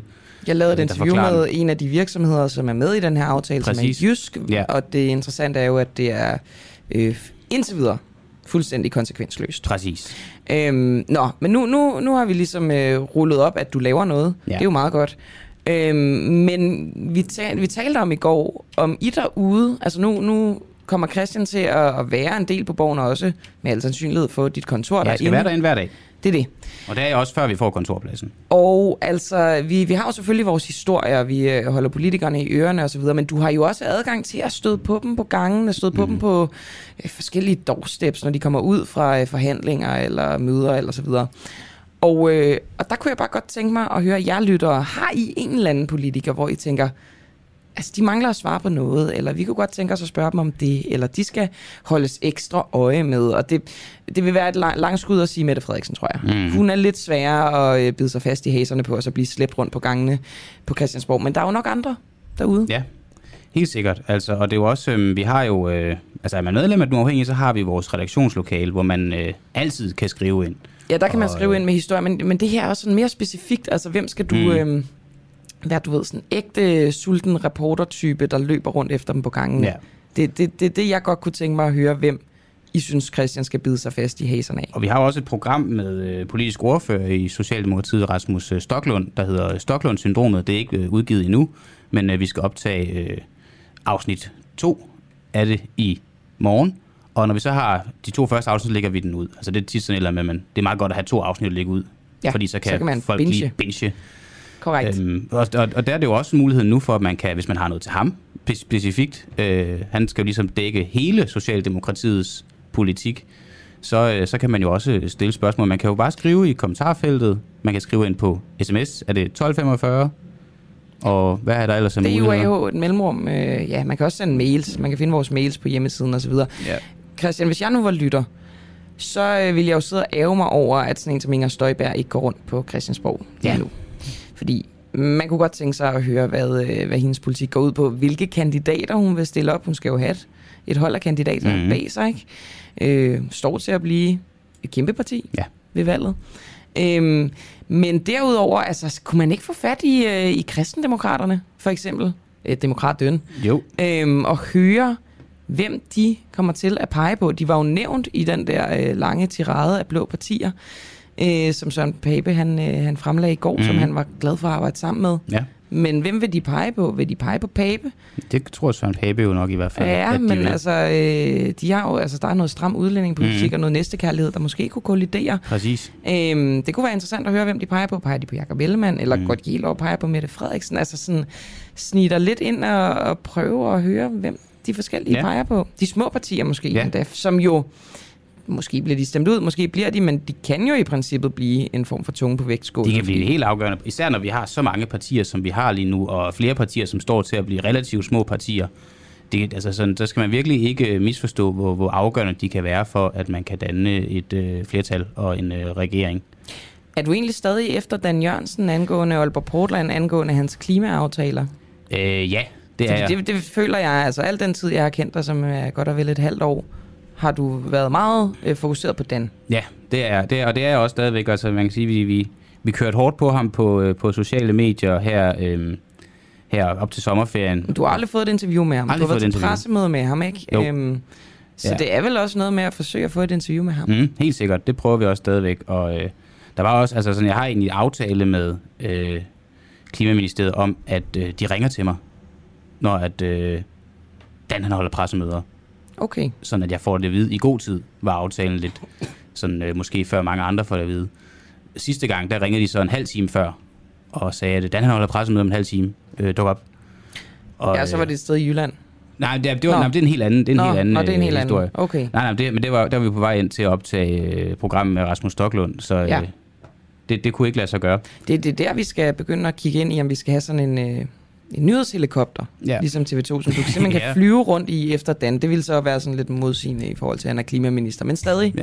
Man kan sige, nu var det også fordi, jeg var forhindret med, altså ellers er der jo, der er jo kun 4 km her fra Rådmandsgade, hvor vi sidder ind til Christiansborg, så det vil måske være, øh, være overkill og, øh, og sende en, en helikopter afsted med mig i. Det kan man men sige, til men- gengæld vil men- jeg egentlig bryde mig ret meget om det. Jo, jo, men, men det var også bare for Hvor at sige, du glemmer ikke Dan. Nej, nej, nej. Og Dan, hvis du lytter med nu, jeg har ikke glemt dig.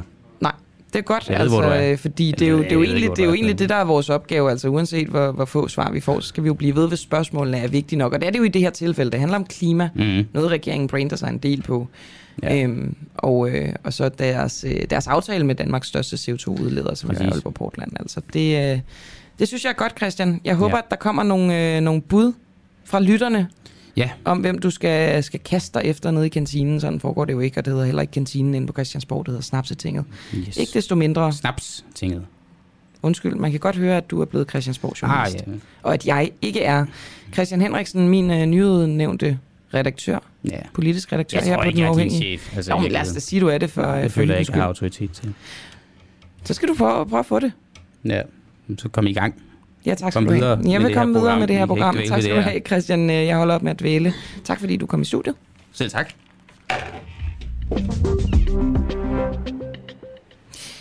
Du kan lige, mens du går ud af studiet, Christian Henriksen, få et spørgsmål fra en lytter, der hedder Jonas Sølbæk Mathisen, som spørger, hvilket ministerium ser Rasmus Stoklund frem til at overtage, når han har aftjent sin værnepligt som politisk ordfører? Men altså, det ville jo være oplagt at tænke, at han ville være øh, udlænding- og integrationsminister, men det er jo ikke sikkert. at finansminister ikke lugter helt skidt for ham.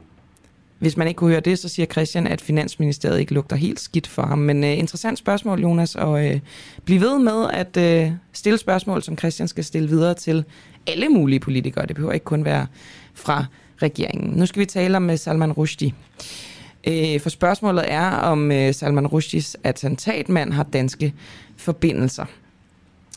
Øhm, der har jo været det her angreb i New York, eller i en øh, stat uden for New York, på Salman Rushdie, hvor at, øh, han øh, simpelthen blev stukket ned, og nu øh, altså ligger på hospitalet øh, med skader. Og øh, hans attentatmand, Hadi Matar, havde 61 venner på Facebook. Det er jo ikke ret mange. Øh, men den ene af dem, det var en øh, profileret dansk shia-imam i øh, Imam Ali Moskeen i København. Og det skal jeg snakke med Christian Markusen, som er kommunikatør og debattør om. Og øh, Christian, du har blandt andet spurgt shia-imamen Mohammed Khani, om han fordømmer angrebet på Salman Rushdie. Har du fået svar på det spørgsmål? Ja, godmorgen. Godmorgen.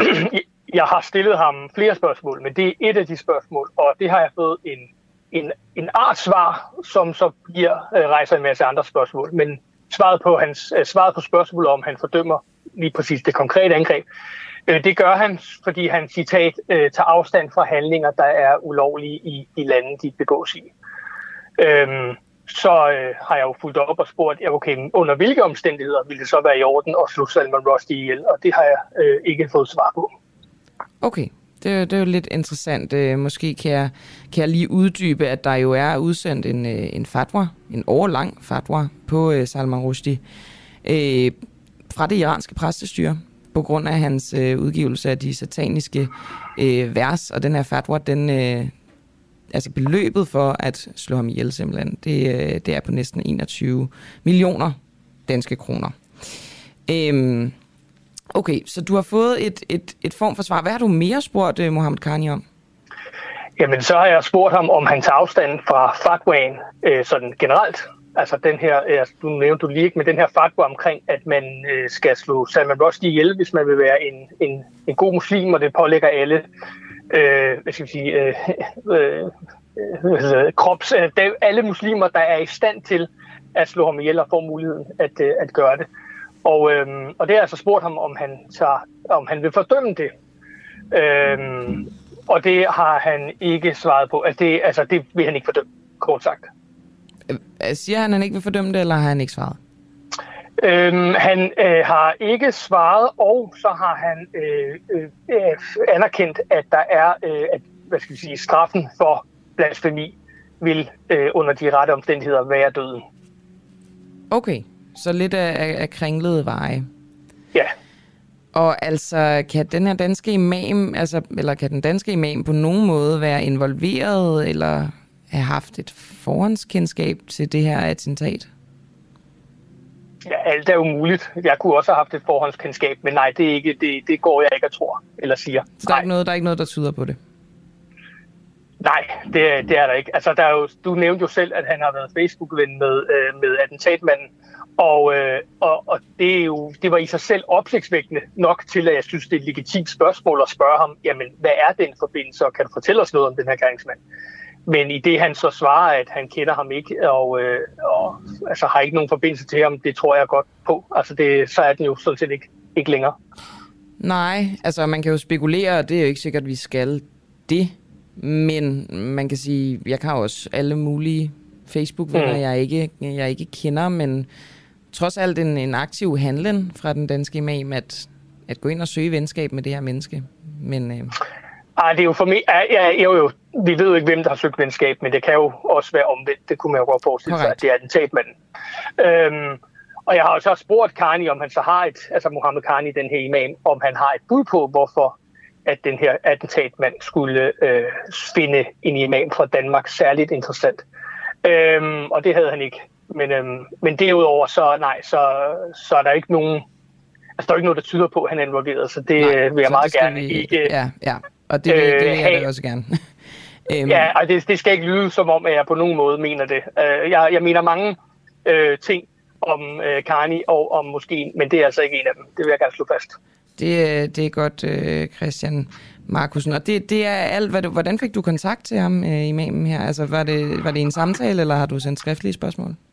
Vi har øh, overlang øh, debat og dialog øh, indimellem, når der opstår spændende ting, øh, debatter. Øh, han er jo, han er jo han er jo ikke hvem som helst, kan man sige. Han, er, øh, han blander sig tit i debatten og er også tit i medierne, når der er spørgsmål øh, omkring ting, der vedrører øh, shia-islam og moskeen. Øh, og der har vi haft dialog i mange forskellige sammenhænge, blandt andet omkring øh, børnebrud og sådan nogle ting. Øh, og nu her, øh, og så om det her attentat. Fordi han jo er Øh, han er øh, shia-muslim, og den her fatwa, den, er, den kommer fra øh, Ayatollah Khomeini, øh, som er det skal sige, overhovedet af shia-muslimerne, eller i hvert fald er overhovedet af Iran, og som er en, som, som man øh, respekterer meget højt i, i Marmale Moskeen. Det tror jeg var det, Christian Markusen. Tusind tak, fordi du ville være med. Ja, det var så lidt. Og god dag til dig. I lige måde. Og der vil jeg jo gerne lige understrege igen, at øh, det er jo sådan noget her, når man finder ud af, at øh, folk er Facebook-venner, så kan det godt aflede en masse spekulationer. Jeg beklager egentlig, hvis det lød som om, at, øh, at jeg rigtig gerne ville pege det i retning af, at han havde haft noget med det øh, at gøre, ham her, øh, Shia Imam Mohammed Karni. Det er der absolut intet, der tyder på, og det siger han altså også selv, han ikke har. Så det vil jeg bare gerne lige understrege igen endnu en gang. Og så kan jeg i øvrigt sige, at øh, Salman Rushdies øh, agent øh, har været ude at sige, at øh, han nu kan tale. Han ligger altså stadig på hospitalet med de her skader, som, øh, som han har pådraget sig efter det her attentat, øh, men han altså har genvundet talens sprog. Det læste jeg inde på TV2. Og apropos TV2, så kan jeg lige komme med nogle nyheder og sige, at klokken den er blevet 16 minutter over 8. I Kenya der har fire ud af syv valgkommissærer afvist resultatet af præsidentvalget grundet manglende transparent. Transparens. Ifølge BBC der udbrød der håndgemæng i det rum, hvor resultatet af valget skulle offentliggøres. I forvejen der har stemmeoptællingen kno- trukket ud i knap en uge, siden kenianerne de var ved valgurnerne i tirsdags. Og øh, det her øh, valg i Kenya, det er jo sådan et umådeligt, umådeligt øh, tæt valg. Øhm, hvis det her resultat havde stået ved magt, så ville valgsejren være gået til den 55-årige tidligere vicepræsident William Ruto, der sikrede sig 50,49 procent af stemmerne. Men øh, det som sagt har været ret tæt løb med mod hans, øh, hans konkurrent Raila Odinga. Fordi øh, Raila Odinga, den tidligere premierminister, han fik altså 48,85 procent af stemmerne. Der er et ukrainsk skib, som er forsvundet, og det er ikke bare et hvilket som helst skib, det er et skib med korn. De seneste tre dage, der har det ukrainske skib Rasonis øh, sporingsenheder været slået fra. efter øh, at have været det første skib, der kom med korn til at forlade Ukraine efter den russiske invasion. Det oplyser den ukrainske ambassade i Libanon mandag til nyhedsbyrået AP. Skibet skulle have været øh, sejlet til Libanon, men øh, køberen har altså valgt at afvise at modtage lasten, da det kom meget senere end aftalt. Og siden der er lasten af det her ukrainske skib, altså med korn, blevet købt og solgt flere gange. Men nu øh, kan man altså ikke længere spore det, og den sidst kendte lokation, det er øh, ud for kysten af Kyberen. Mathias Tesfaye, han vil have flere kryptospecialister i politiet. Ifølge regeringen er myndighederne i et konstant våbenkapløb om teknologi med de kriminelle, og derfor så skal politiet have større muskler på det her område. De senere år der har politiet oplevet, at de organiserede kriminelle i højere grad benytter sig af krypteret valuta. I øh, regeringens kommende udspil til en ny bandepakke, der vil antallet af medarbejdere, der analyserer kryptovalutaspor, fordobles, det kan justitsminister Mathias Tesfaye fortælle. Og øh, han siger til DR, når banderne vasker deres penge hvide, så skal vi også kunne følge de penge. For millioner af kroner, som øh, først rigtig kan komme... For det, er, for det er millioner af kroner, som kan komme banderne rigtig til gavn, når de er vasket hvide. Og øh, vi skal altså have styrket arbejdet med at kunne følge de her penge, siger Mathias Tesfaye altså til DR.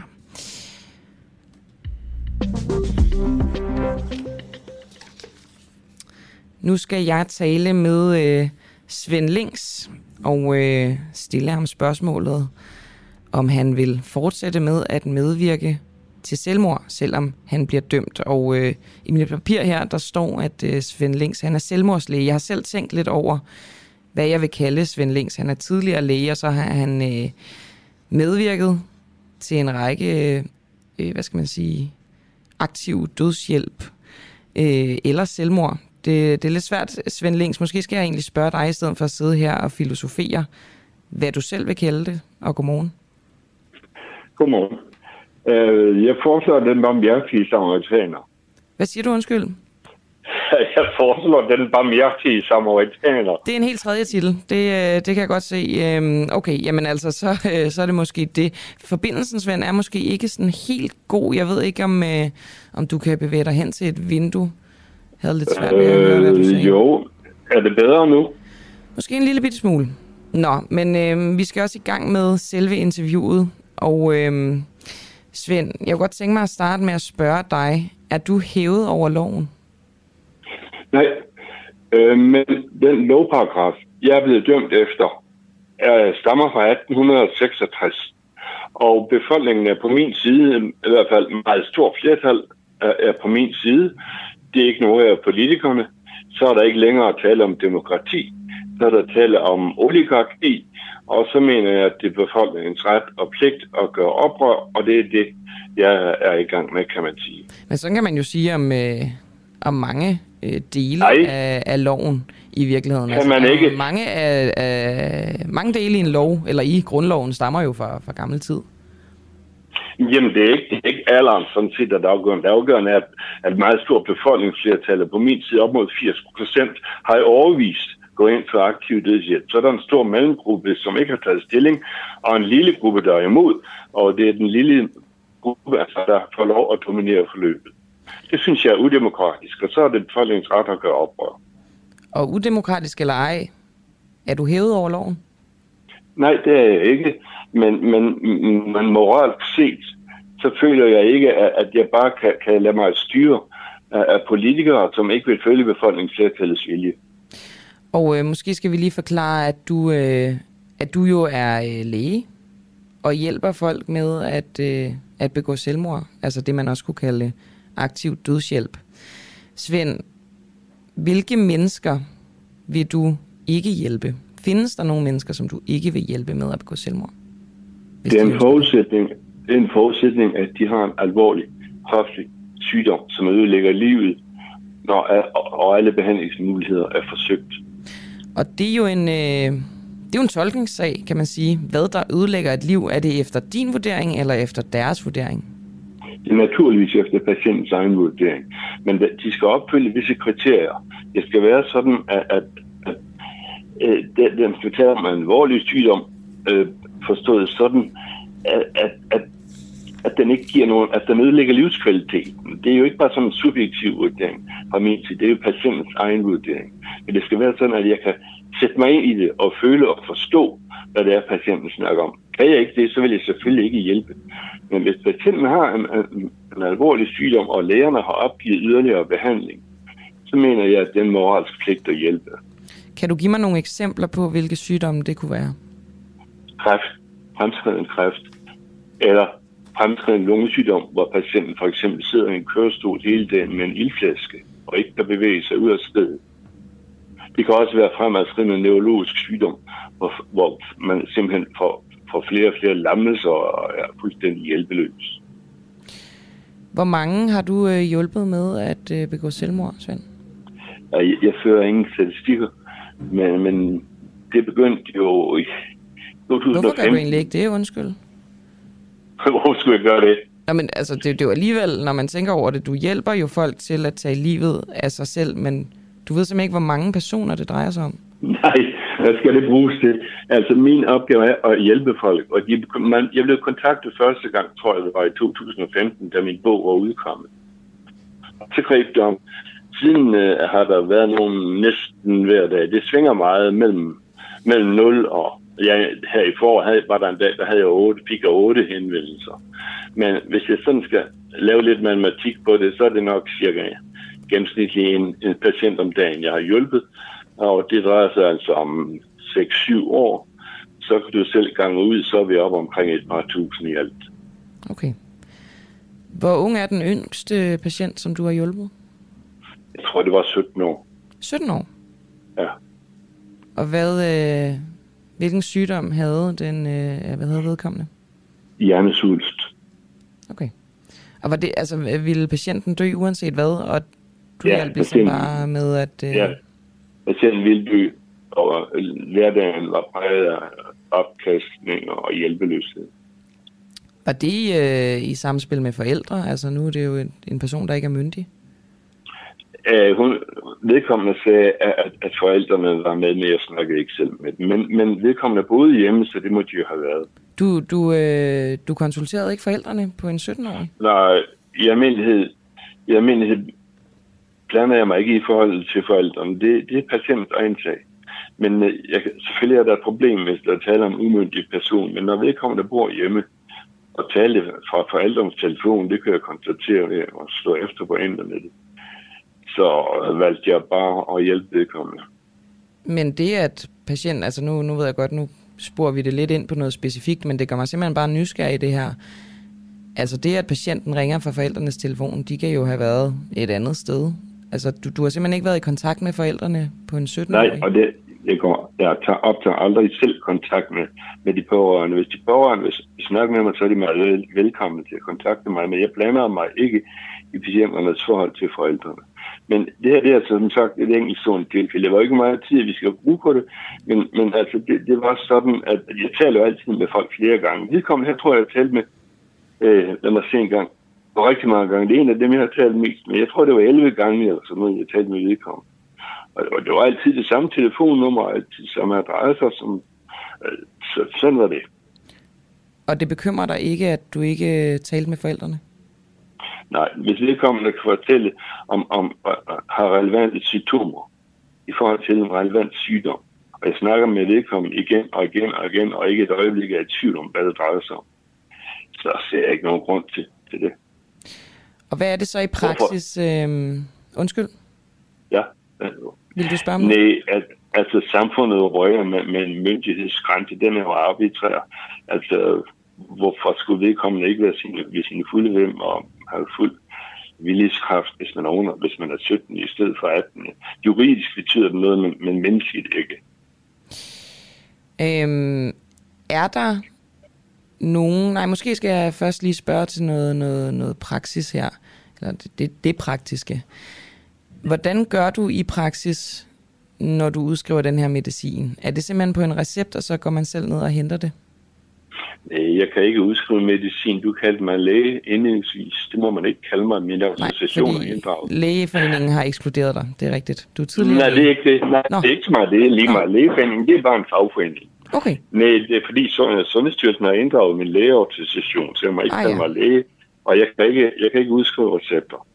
Så, så jeg, jeg er desværre nødt til at, bare at, at, at rådgive folk, og det gør jeg så godt jeg kan, øh, overvejende telefonisk.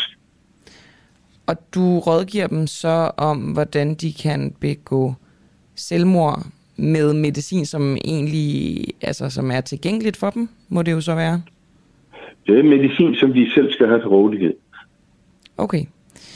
Øhm, jeg får lige lyst til at indskyde her, det er egentlig ikke så meget med dig at gøre, Svend, men altså hvis du er selvmordstruet og går med tanker om selvmord, så kan du selvfølgelig søge hjælp hos Livslinjen på telefonnummer 70 201 201 alle årets dage fra 11 til 5. Det får jeg bare lige lyst til at indskyde midt i denne her snak, som jo altså handler om folk, der vil begå selvmord. Øhm, Svend, er der nogen af dine tidligere patienter, som holder dig vågen om natten? Nej. Øh, jo, der er et par stykker, som, som jeg afviste at hjælpe dem, hvor jeg nok har hjulpet alligevel. Så ikke den Men lige anden vej hold mig vågen om natten, hold mig vågen om natten, nej, det er en overdrivelse. Men der er nogen, der er over mig over. Ja. Så, så den anden vej rundt, der er, Ja. ikke, der er ikke nogen, hvor du tænker, jeg havde ikke nok samtaler med vedkommende. Fordi nu, nu siger du for eksempel, at du havde 11 samtaler med den her 17-årige. Det går ikke ud fra, at du har tid til med alle ja. patienter. Så er der nogen, hvor du tænker, der blev beslutningen taget for hurtigt? Nej, det er der ikke. Husk på, det er jo folks egen beslutning. I, i, i, Vest, I Europa, der er selvbestemmelse en menneskeret. Og øh, menneskerettighedsdomstolen fastslog i 2011, at selvmord også er en menneskeret. Vi taler om to, om to menneskerettigheder. Det er folks egen beslutning, det er folk selv, der skal føre det ud i livet. Jeg rådgiver dem kun, hvis de selv beder om det. Jeg, jeg er bare en tjener. Mm. Ja, og du klagede jo så også til, øh, altså du klagede over højesterets dom til den europæiske menneskerettigheds Ja, det er fordi du jo mente, at du kun havde øh, kommunikeret information om selvmord, og det er din øh, ret, altså din ytringsfrihedsret, kan man sige, at den blev krænket ved denne her dom. Ja. Øhm, Svend, ved du, om du er den, den eneste, der rådgiver om, om selvmord i Danmark? Øh, jeg, har, jeg ved det jo ikke, men jeg hører jo folk fortælle, at nogen læger bruger min selvmordsvejledning. Altså praktiserende læger? Ja. Hvordan hører og, du om det? Og hospitalslæger. Det har jeg hørt af sundhedspersonale fortælle.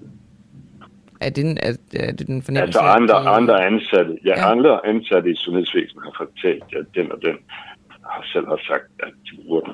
Så du kender også navnene på, på dem, som, som, som gør Jeg det? kender ikke navnene på dem, der har gjort det. Men, men jeg kender navnene på dem, på dem der har fortalt det naturligvis. Og de bruger øh, altså dine retningslinjer, så at sige? Er vejledningen, ja. Burde de ikke godt selv vide, hvordan man gør? Ved du hvad? Det tog mig tre års øh, videnskabelige studier, faktisk. Jeg var inde på et hav af, videnskabelige artikler og databaser og tidsskrift for overhovedet at kunne lave min selvmordsvejledning. For de oplysninger om, hvor meget af et bestemt stof, der skal til for at dræbe et menneske, de er ikke sådan lige tilgængelige. De skal graves frem. Og, og det tog altså lang tid for mig, og det er ikke noget, man lærer under lægestudiet overhovedet. Nej, det var fordi, det var det, jeg tænkte, men det giver jo egentlig god mening, altså når det er forbudt. Men jeg tænkte umiddelbart, at det var noget, man, øh, man også ville lære på lægestudiet. Øh, Overhovedet ikke. Man lærer ikke noget om, hvor giftige stoffer er. Man lærer kun noget om, hvor høj en dosis man ikke må overskride. Man får ikke at vide, hvor meget der så skal til at slå folk ihjel. Svend, jeg vil gerne lige gå derhen, hvor vi startede. Altså, øh, du talte om loven, og at den var udemokratisk i forhold til, hvor mange der egentlig går ind for aktiv dødshjælp. Jeg har en lytter, der hedder René Bigum, som spørger, har øh, Svend Links i så fald stillet et borgerforslag om øh, ændring af loven, og så kan vi lige få hans, øh, hans kommentar med. Han siger, jeg er også for, men blot fordi man har befolkningen med sig, er det jo stadig ulovligt lige nu. Hvis det skal ændres, må befolkningen jo bruge de processer, der er stillet til rådighed. Og her mener han altså det her med at stille et borgerforslag. Har du gjort det, Svend Links? Ja, det gjorde vi for nogle år siden, men der kommer ikke underskrifter nok. Men det er vel også altså, øh, hvad skal man sige, et tegn på, at, at demokratisk set ikke er grundlag for at ændre loven, for så havde I jo nok nok underskrifter. Det kan jeg ikke se. Det, det, det er jo et tegn på, at, at to ting efter min, min borgerforslag, er der ikke ret mange, så mange, der har højtidligt. Politikerne i Folketinget gør der slet ikke. De gider jo ikke alle sammen møde op, når det bliver debatteret. Øh, men, men så er der jo det i det, at, at, at, at det handler om død og lidelse. Og, og så er folk selvfølgelig ikke tilbøjelige til lige at beskæftige sig med det lige nu. De ligger over i bunken, ja, jeg går for, og jeg skal nok, nok skrive om, jeg ligger lige der, det lige over afventerbunken. Hvis det derimod drejer sig for eksempel om studenter, øh, der gerne vil have længere tid til at studere, eller vil have noget mere i SU, så skal jeg lige love for, at der kommer underskrifter i løbet af ganske få dage, så er der 50.000. Når det handler om lidelse og død, så, så det er tungt og besværligt, og det er også sådan set ikke noget mærkeligt. Svend, du blev øh, i starten af den her måned tiltalt i en ny sag om medvirken til selvmord. Øhm, hvor, altså, kommer du til at sidde i fængsel, øh, eller hvordan, hvordan ser din fremtid ud? Jeg ved ikke, hvad, hvad dommeren finder på, men nu får vi se. Det er også lige meget, det er ikke mig, det drejer sig om. Det er patienterne, det drejer sig om. Men det er jo stadig, altså, du kan vel heller ikke øh, hjælpe dine patienter inden for fængslet, i hvert fald ikke lige så, øh, lige så nemt? Nej, men, men, men strafferammen er, er jo 20 dages fængsel. Okay. tilfælde. Jeg, jeg har dømt 60 dage tidligere, får jeg 20 dage mere, så er det 40 dage. Det er en måned og 10 dage. Det, det er ikke noget problem. Og jeg tænker, når en minister kan bryde ansvarlighedsloven, og, og så alligevel nøjes med at få fodlænke, så kan jeg vel også. Det er meget muligt. Det er jo selvfølgelig, som du siger, op til, øh, til dommeren at vurdere det. Svend Links, ja. øh, tusind tak, fordi du var med her til morgen. Okay. Kan du have en god dag? Det må. Tak.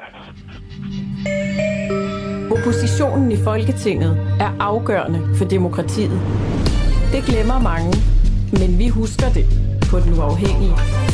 Derfor giver vi en fremtrædende oppositionspolitiker en mikrofon og et studie hver uge.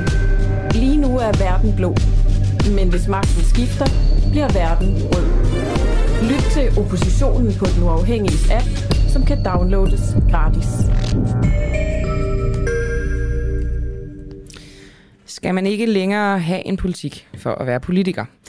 I fredags der var øh, Paul Madsen, tidligere chefredaktør på Ekstrabladet, gæstevært her på radioen, og han sagde følgende.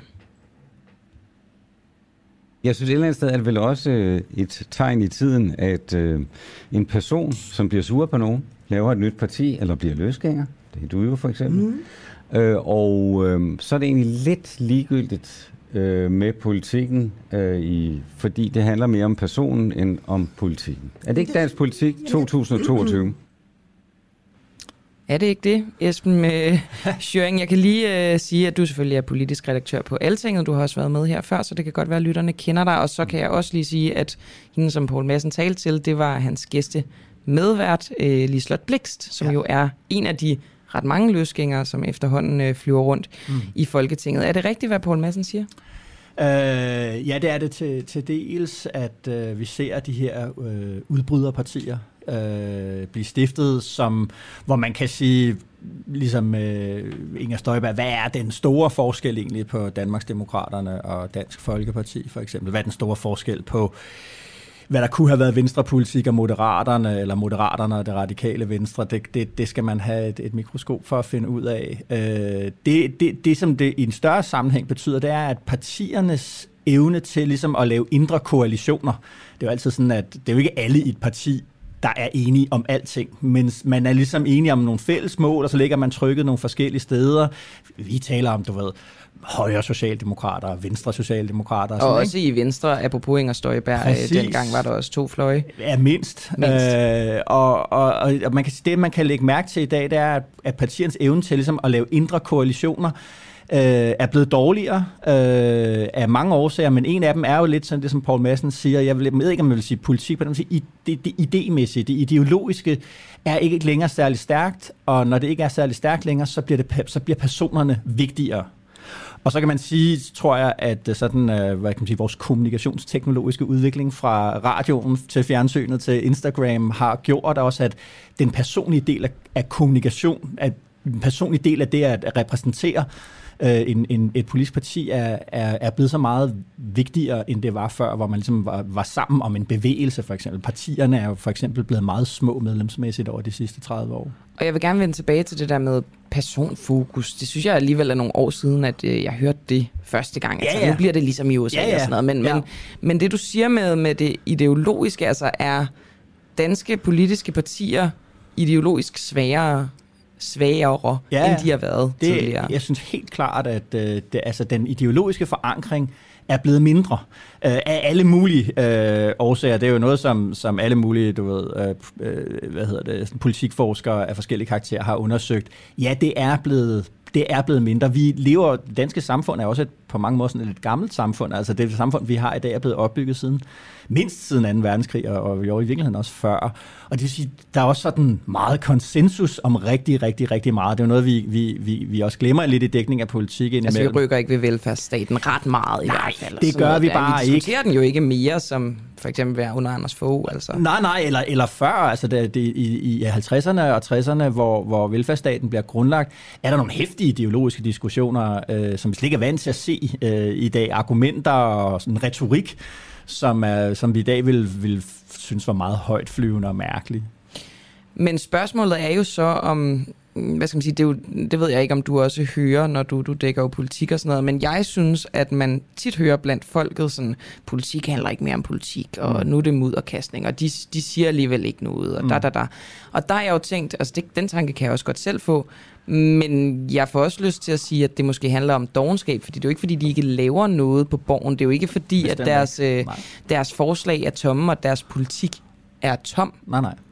Nej, nej, altså jeg tror, når vi taler om det her, øh, her nu, så gør vi det selvfølgelig også, fordi der er, vi er i den her lidt mærkelige situation, at der ligesom både er valgkamp, men valget er ikke udskrevet endnu.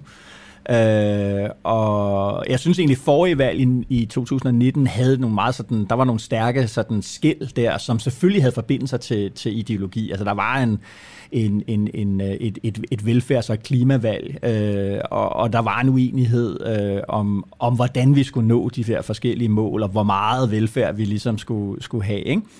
Øh, det vi går ind i nu er jo ligesom, altså, at altså, en af grundene til, at vi synes, at der er lidt tomt i diskussionen i her, under den her valgkamp, det er jo blandt andet fordi, at valget er blevet fremtvunget på en baggrund ikke om, der er ikke en politisk uenighed som sådan, det er en spørgsmål om, hvordan magten bliver forvaltet. Altså de radikale har tvunget Mette Frederiksen til at udskrive valg, fordi de synes, at den etpartiregering øh, bliver, som man siger, eller som de siger, øh, for magtfuldkommen, for enerådig. Og det er jo interessant, fordi det er jo et, øh, hvad skal man sige, et administrativt Præcis. problem, de peger på, ja. som ikke er politisk, men jo, altså, det, det klinger jo på en måde personligt, selvom det er et administrativt problem. Når man ja. siger, at Mette Frederiksens regering er for ja. magtfuldkommen, så lugter det jo også af et, ja. Et lille personangreb på, eller stort personangreb ja, Ja, ja. ja. på Mette Frederiksen, Ja. ja. altså, og, hendes, øh, og hendes lederskab. Men mm. hvis vi nu vender tilbage til det her med personerne, mm. at det bliver øh, personbordet det hele. Hvis ansvar er det? Er det øh, folket, der er for dogne til at, øh, at læse de nyheder, som handler om det politiske og det substantielle? Mm. Er det medierne, der er for sultne på, er Søren Pape en statsmand, eller ej, og er Ja. Mette Frederiksen øh, for egenrådig?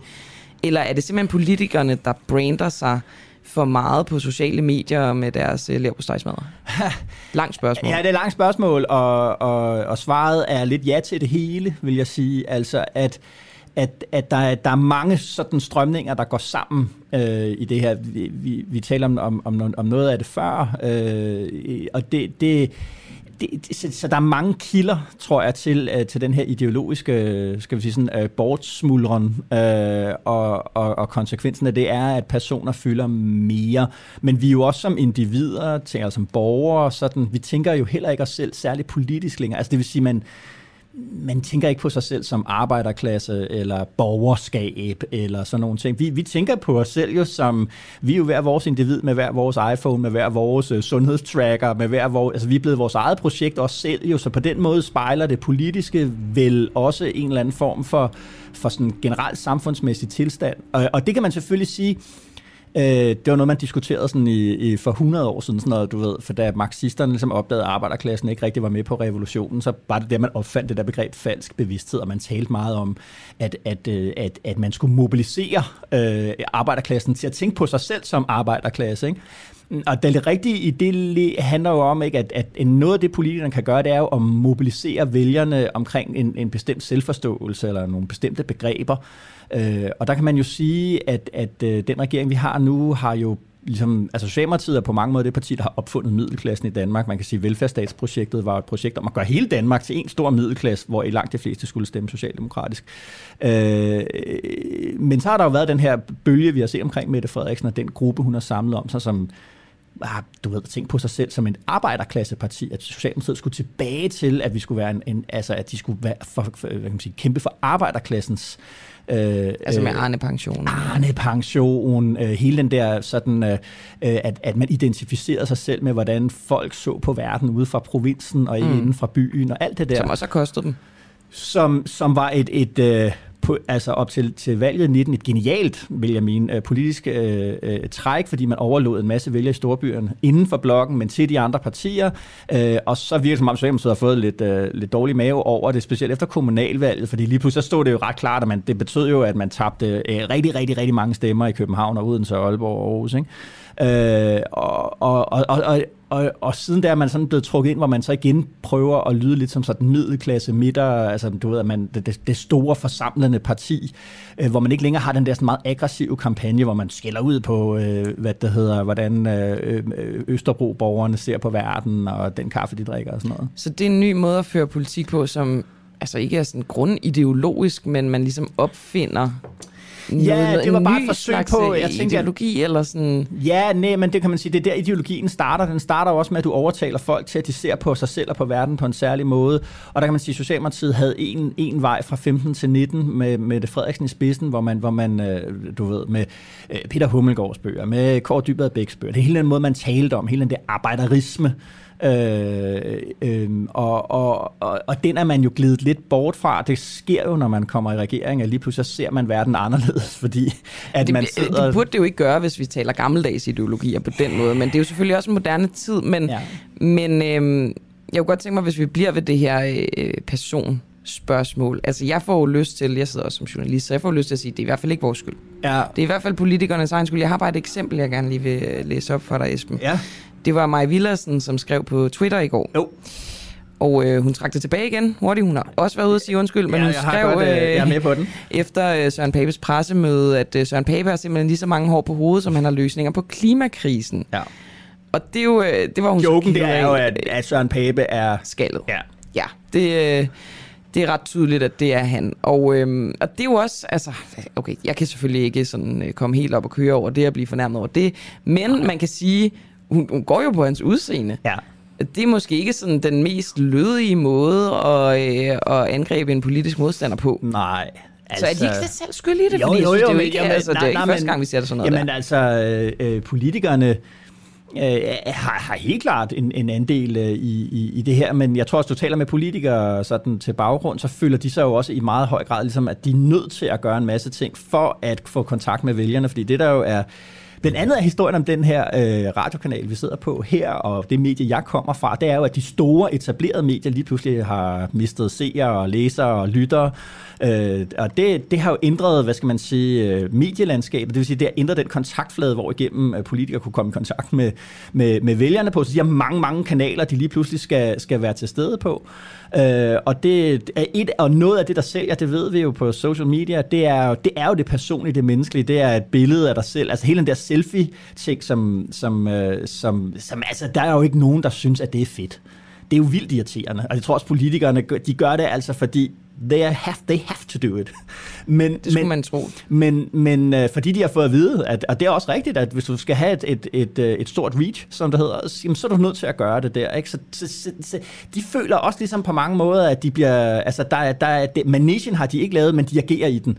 Og, øh, og så kan man sige, at øh, så er der sådan nogen som os øh, journalister, der ligesom både skal, skal, vi, skal jo, vi skal jo også agere i den manege, øh, samtidig med, at vi udgør den, samtidig med, at vi også gerne vil føre noget andet ind i den.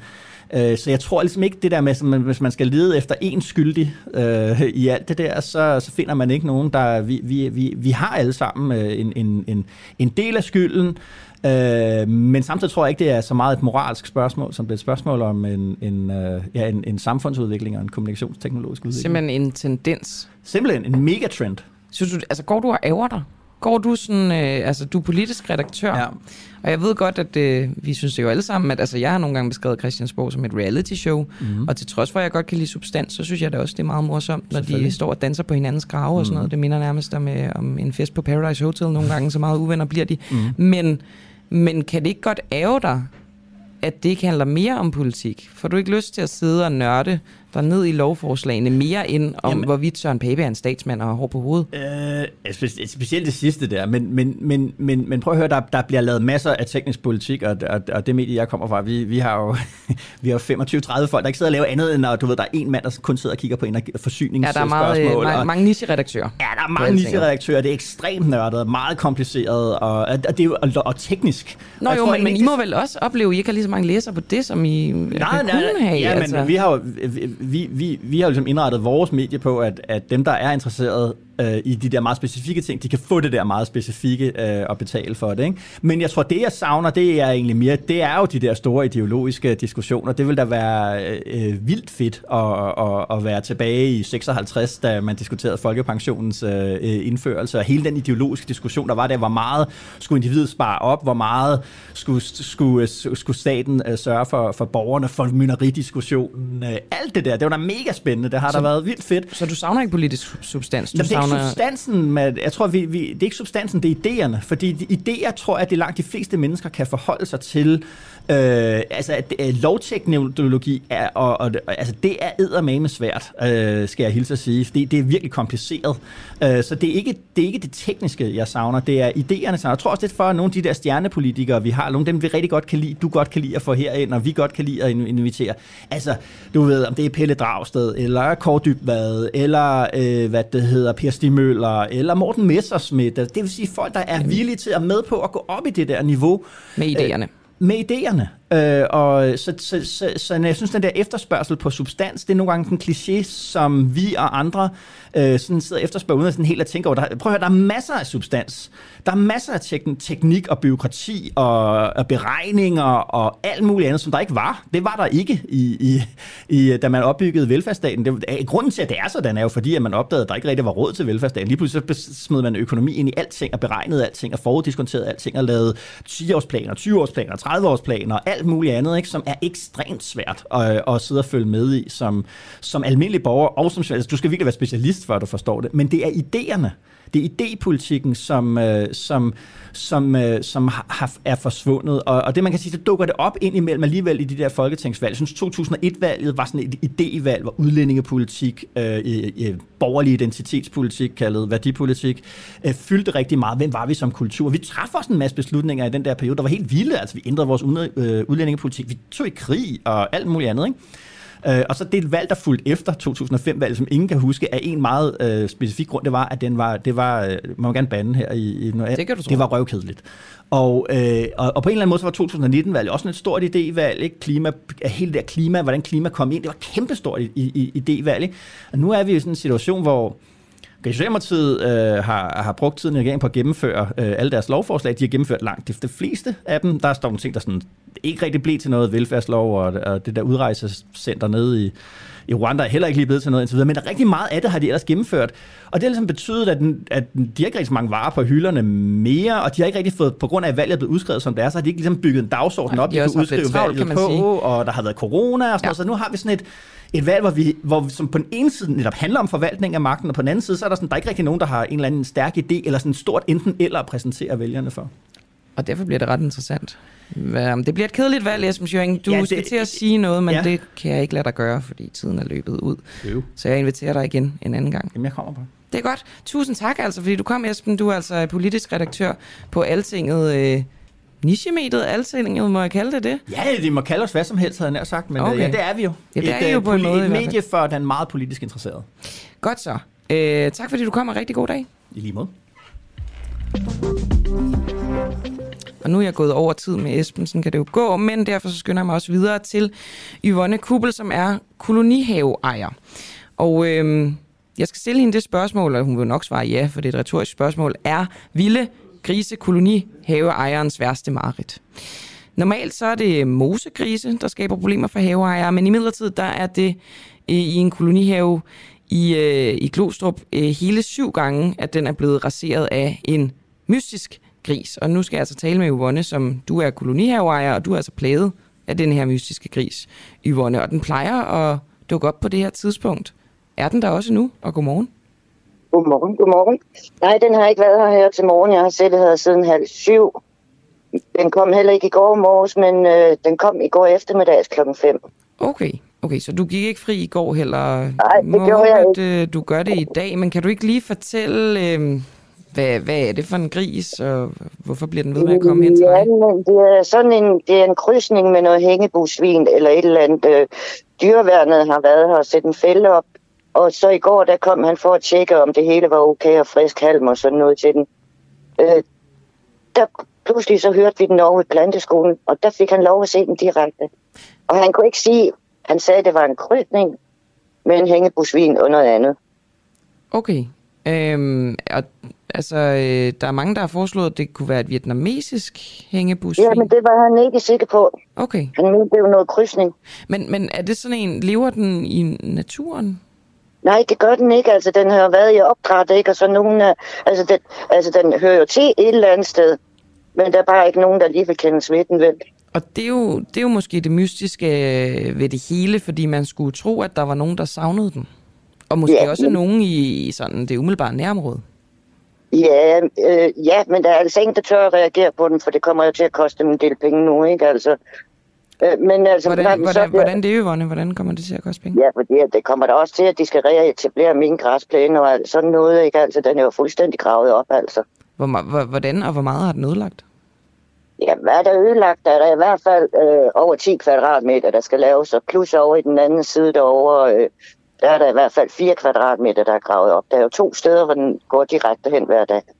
Kan du kun få erstatning for det, hvis man ligesom finder øh, griseejeren?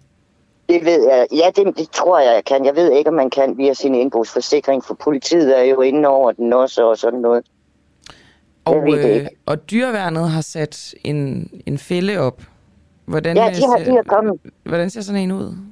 Det er sådan en stor øh, kasse, den er, hvad er den, den er halvanden meter lang, og så er den cirka 60 cm høj. Og så lægger man lokkemad ind i den, og- det er vinerbrød. Okay. Og øh, i går, det var første gang, den spiste vinerbrød. Og der var det lige før, den gik ind i fælden, men så kom der nogle børn hjem, der skreg ud på stien. Så blev den jo forskrækket, ikke? Ah, okay. Det jo lidt ærgerligt. Ja. Altså... Og det er vinerbrød, og så noget sød sager, der lokker den, ikke? Ja, okay, nå, det, det vidste jeg egentlig ikke, at det var det, der kunne, kunne lokke øh, svin. Øhm, har det her svin smadret andre haver? Nu sagde du planteskolen. Har den Ja, men det er smadret den andre haver end, øh, end, end din? Altså nu i går, så hørte jeg så, at sidste søndag var det hele startet. Der var det så tre hus længere ned, fire hus længere ned end mig. Den, har- der har den også været inde, men der kom de fra stranden. Og der fik de den så jaget væk, ikke? Okay. Og den har ikke været dernede siden. Men så var det så, den var kommet her hos mig, ikke? Kunne man i virkeligheden ikke, altså det er ikke for at være sådan unødigt brutal, men øhm, når der kommer et, øh, et dyr ind på ens ejendom, så har man vel ret til at skyde det i virkeligheden? Nej, det må man ikke. Det, det, var, det fik jeg lige besked på. Det var direkte ulovligt. Det måtte man ikke. Okay, Fordi trods for, at den øh, befinder sig på din grund? Ja, det må man ikke. Okay. Det er ulovligt. Okay, var det ellers noget, du, øh, du kunne overveje? Nej, ikke mere. Altså, altså lige jeg sagde det, da, den var her til at starte, men jeg, når jeg fanger den, stikker en kniv i halsen på den. Men ved du hvad, efter, efter jeg har optaget de videoer og alt muligt, hvor den bare stod, der var en glasrude imellem os, og den stod og kiggede ind på mig, ved du hvad. Så er den simpelthen skidesød. Ej, det så det kunne jeg, det kunne jeg simpelthen ikke komme i tanke om. Men du ved, frustrationen, den løber jo af med en gang imellem, ikke altså? Naturligvis, Så- men, men er, det, er det også, altså nu siger du, at din græsplæne er ødelagt, jeg går ud fra, når det er en kolonihave, så har du også en form for køkkenhave? Jamen, det har den også været i. Okay. Og der er den, gravet, altså, den har gravet mine kartofler og løg op dommen, og ødelagt noget af højbedet dommen. Men altså, øh, den har ikke rørt den. Den spiser ikke kartofler, og det der, den graver bare. Og det, den graver efter, det er ormer og laver. Ah ja, det giver mening. Okay, Og så dine kartofler og løg er ikke gået tabt i det mindste? Nej, nej, nej, de er bare gravet op. Okay, og måske ikke på den kønneste måde. Nej, nej, men jeg, jeg, skal nok, jeg griner af det nu, men jeg bliver sgu sur, da det skete, ikke? Jamen, det kan jeg godt forstå. Øhm, okay, men nu, nu øh, er sagen så der, hvor at øh, dyreværnet har stillet en fælde op, der er vinerbrød ja. i, og ja. hvis ikke der er nogen, der skræmmer den væk, så kunne man forestille sig, at den vendte tilbage øh, i eftermiddag måske. Ja, nu har den ikke været her til morgen, men den plejer jo at komme her mellem 8 og 11, så jeg sidder og venter på den, ikke? Men, Øh. men, men ærligt talt, Yvonne, altså, har du ikke en eller anden interesse i at finde ud af, hvem det er, der ikke har styr på sin gris? Jo, det har jeg da. Det har jeg da. Men det kan vi først, når vi fanger den, ikke? Og så er den måske øh, øremærket. Jamen, ja, den kan jo være øremærket eller tippet, fordi det har været en kælegris måske, ikke? Og er det så sådan noget, man melder til politiet, eller hvordan er hvorledes? Ja, ja, men politiet er inde over, for ellers kunne jeg ikke få hjælp. Altså, og, og det var jo sådan, at vi har været igennem så mange instanser, hvor jeg har ringet rundt hele sidste uge. Og Fødevarestyrelsen, jamen det skulle gå til politiet, og så ringede jeg til politiet i torsdags. Men de, kunne ikke, de grinede selvfølgelig, men de kunne ikke tage sig af den, inden at vi havde set den. Og så så vi den så i lørdags. Og så ringede vi så til politiet, og så gik der altså kun en time, så kom han fra dyreværnet med en kæmpe øh, bur, ikke? og han kom altså helt op fra Kokkedal. Altså, det var hurtig udrykning, det må jeg sige. Okay, så langt så godt, kan man sige. Ja. Jamen, øhm, så bliver det jo spændende at se, hvem, øh, hvem det er, der potentielt ikke har styr på sin, øh, ja, på sin, øh, sin, sin gris, øh, Yvonne, og så, øh, så håber jeg, at du kan få erstatning for din, øh, din ødelagte have. Ja, det kan jo være. Men altså, jeg vil da i hvert fald søge det. Det vil jeg da selvfølgelig være det, fordi det har da været meget irriterende. Ja, det kan jeg da godt forstå. Øhm, det er heller ikke bare lige sådan at, øh, at lave en græsplæne god igen. Nej. Øhm, så, så, så held og lykke med det hele, Yvonne. Tusind tak for det. Og god dag. Og tak lige måde til jer. Hej hej. Hej hej. Og så blev klokken lige præcis 8.59, og vi er ved vejs ende af morgens udsendelse. Jeg har lige et minut tilbage, som jeg skal fylde ud med snak, og øh, måske kunne jeg godt tænke mig at høre jer, om I gerne vil høre mere om offentlighedsloven. Jeg selv, jeg har selv arbejdet øh, en del med det, og det er jo også noget, der påvirker os i vores journalistiske arbejde. Så det er vigtigt for os, men det er jo også vigtigt øh, for borgerne, at der ligesom er gennemsigtighed i centraladministrationen. Men det kan også være sådan lidt tungt. Så jeg er egentlig lidt nysgerrig på, om I synes, at det er interessant, at regeringen nu foreslår øh, det, som de selv vil kalde en øh, pas bedre på de offentlige ansatte, men det, som mange eksperter, i særdeleshed journalister, kalder for en, en stramning af offentlighedsloven. Så skriv ind, øh, gerne på vores Facebook-side, enten i redaktionslokalet, hvis du er medlem, eller på, øh, på vores almindelige Facebook-side. Mit navn det er Camilla Boraki. Jeg er tilbage i morgen sammen med Christoffer Lind. I regien i dag var Oliver Noppenau og Alexander Brøndum, og programmet var sat sammen af Christian Henriksen.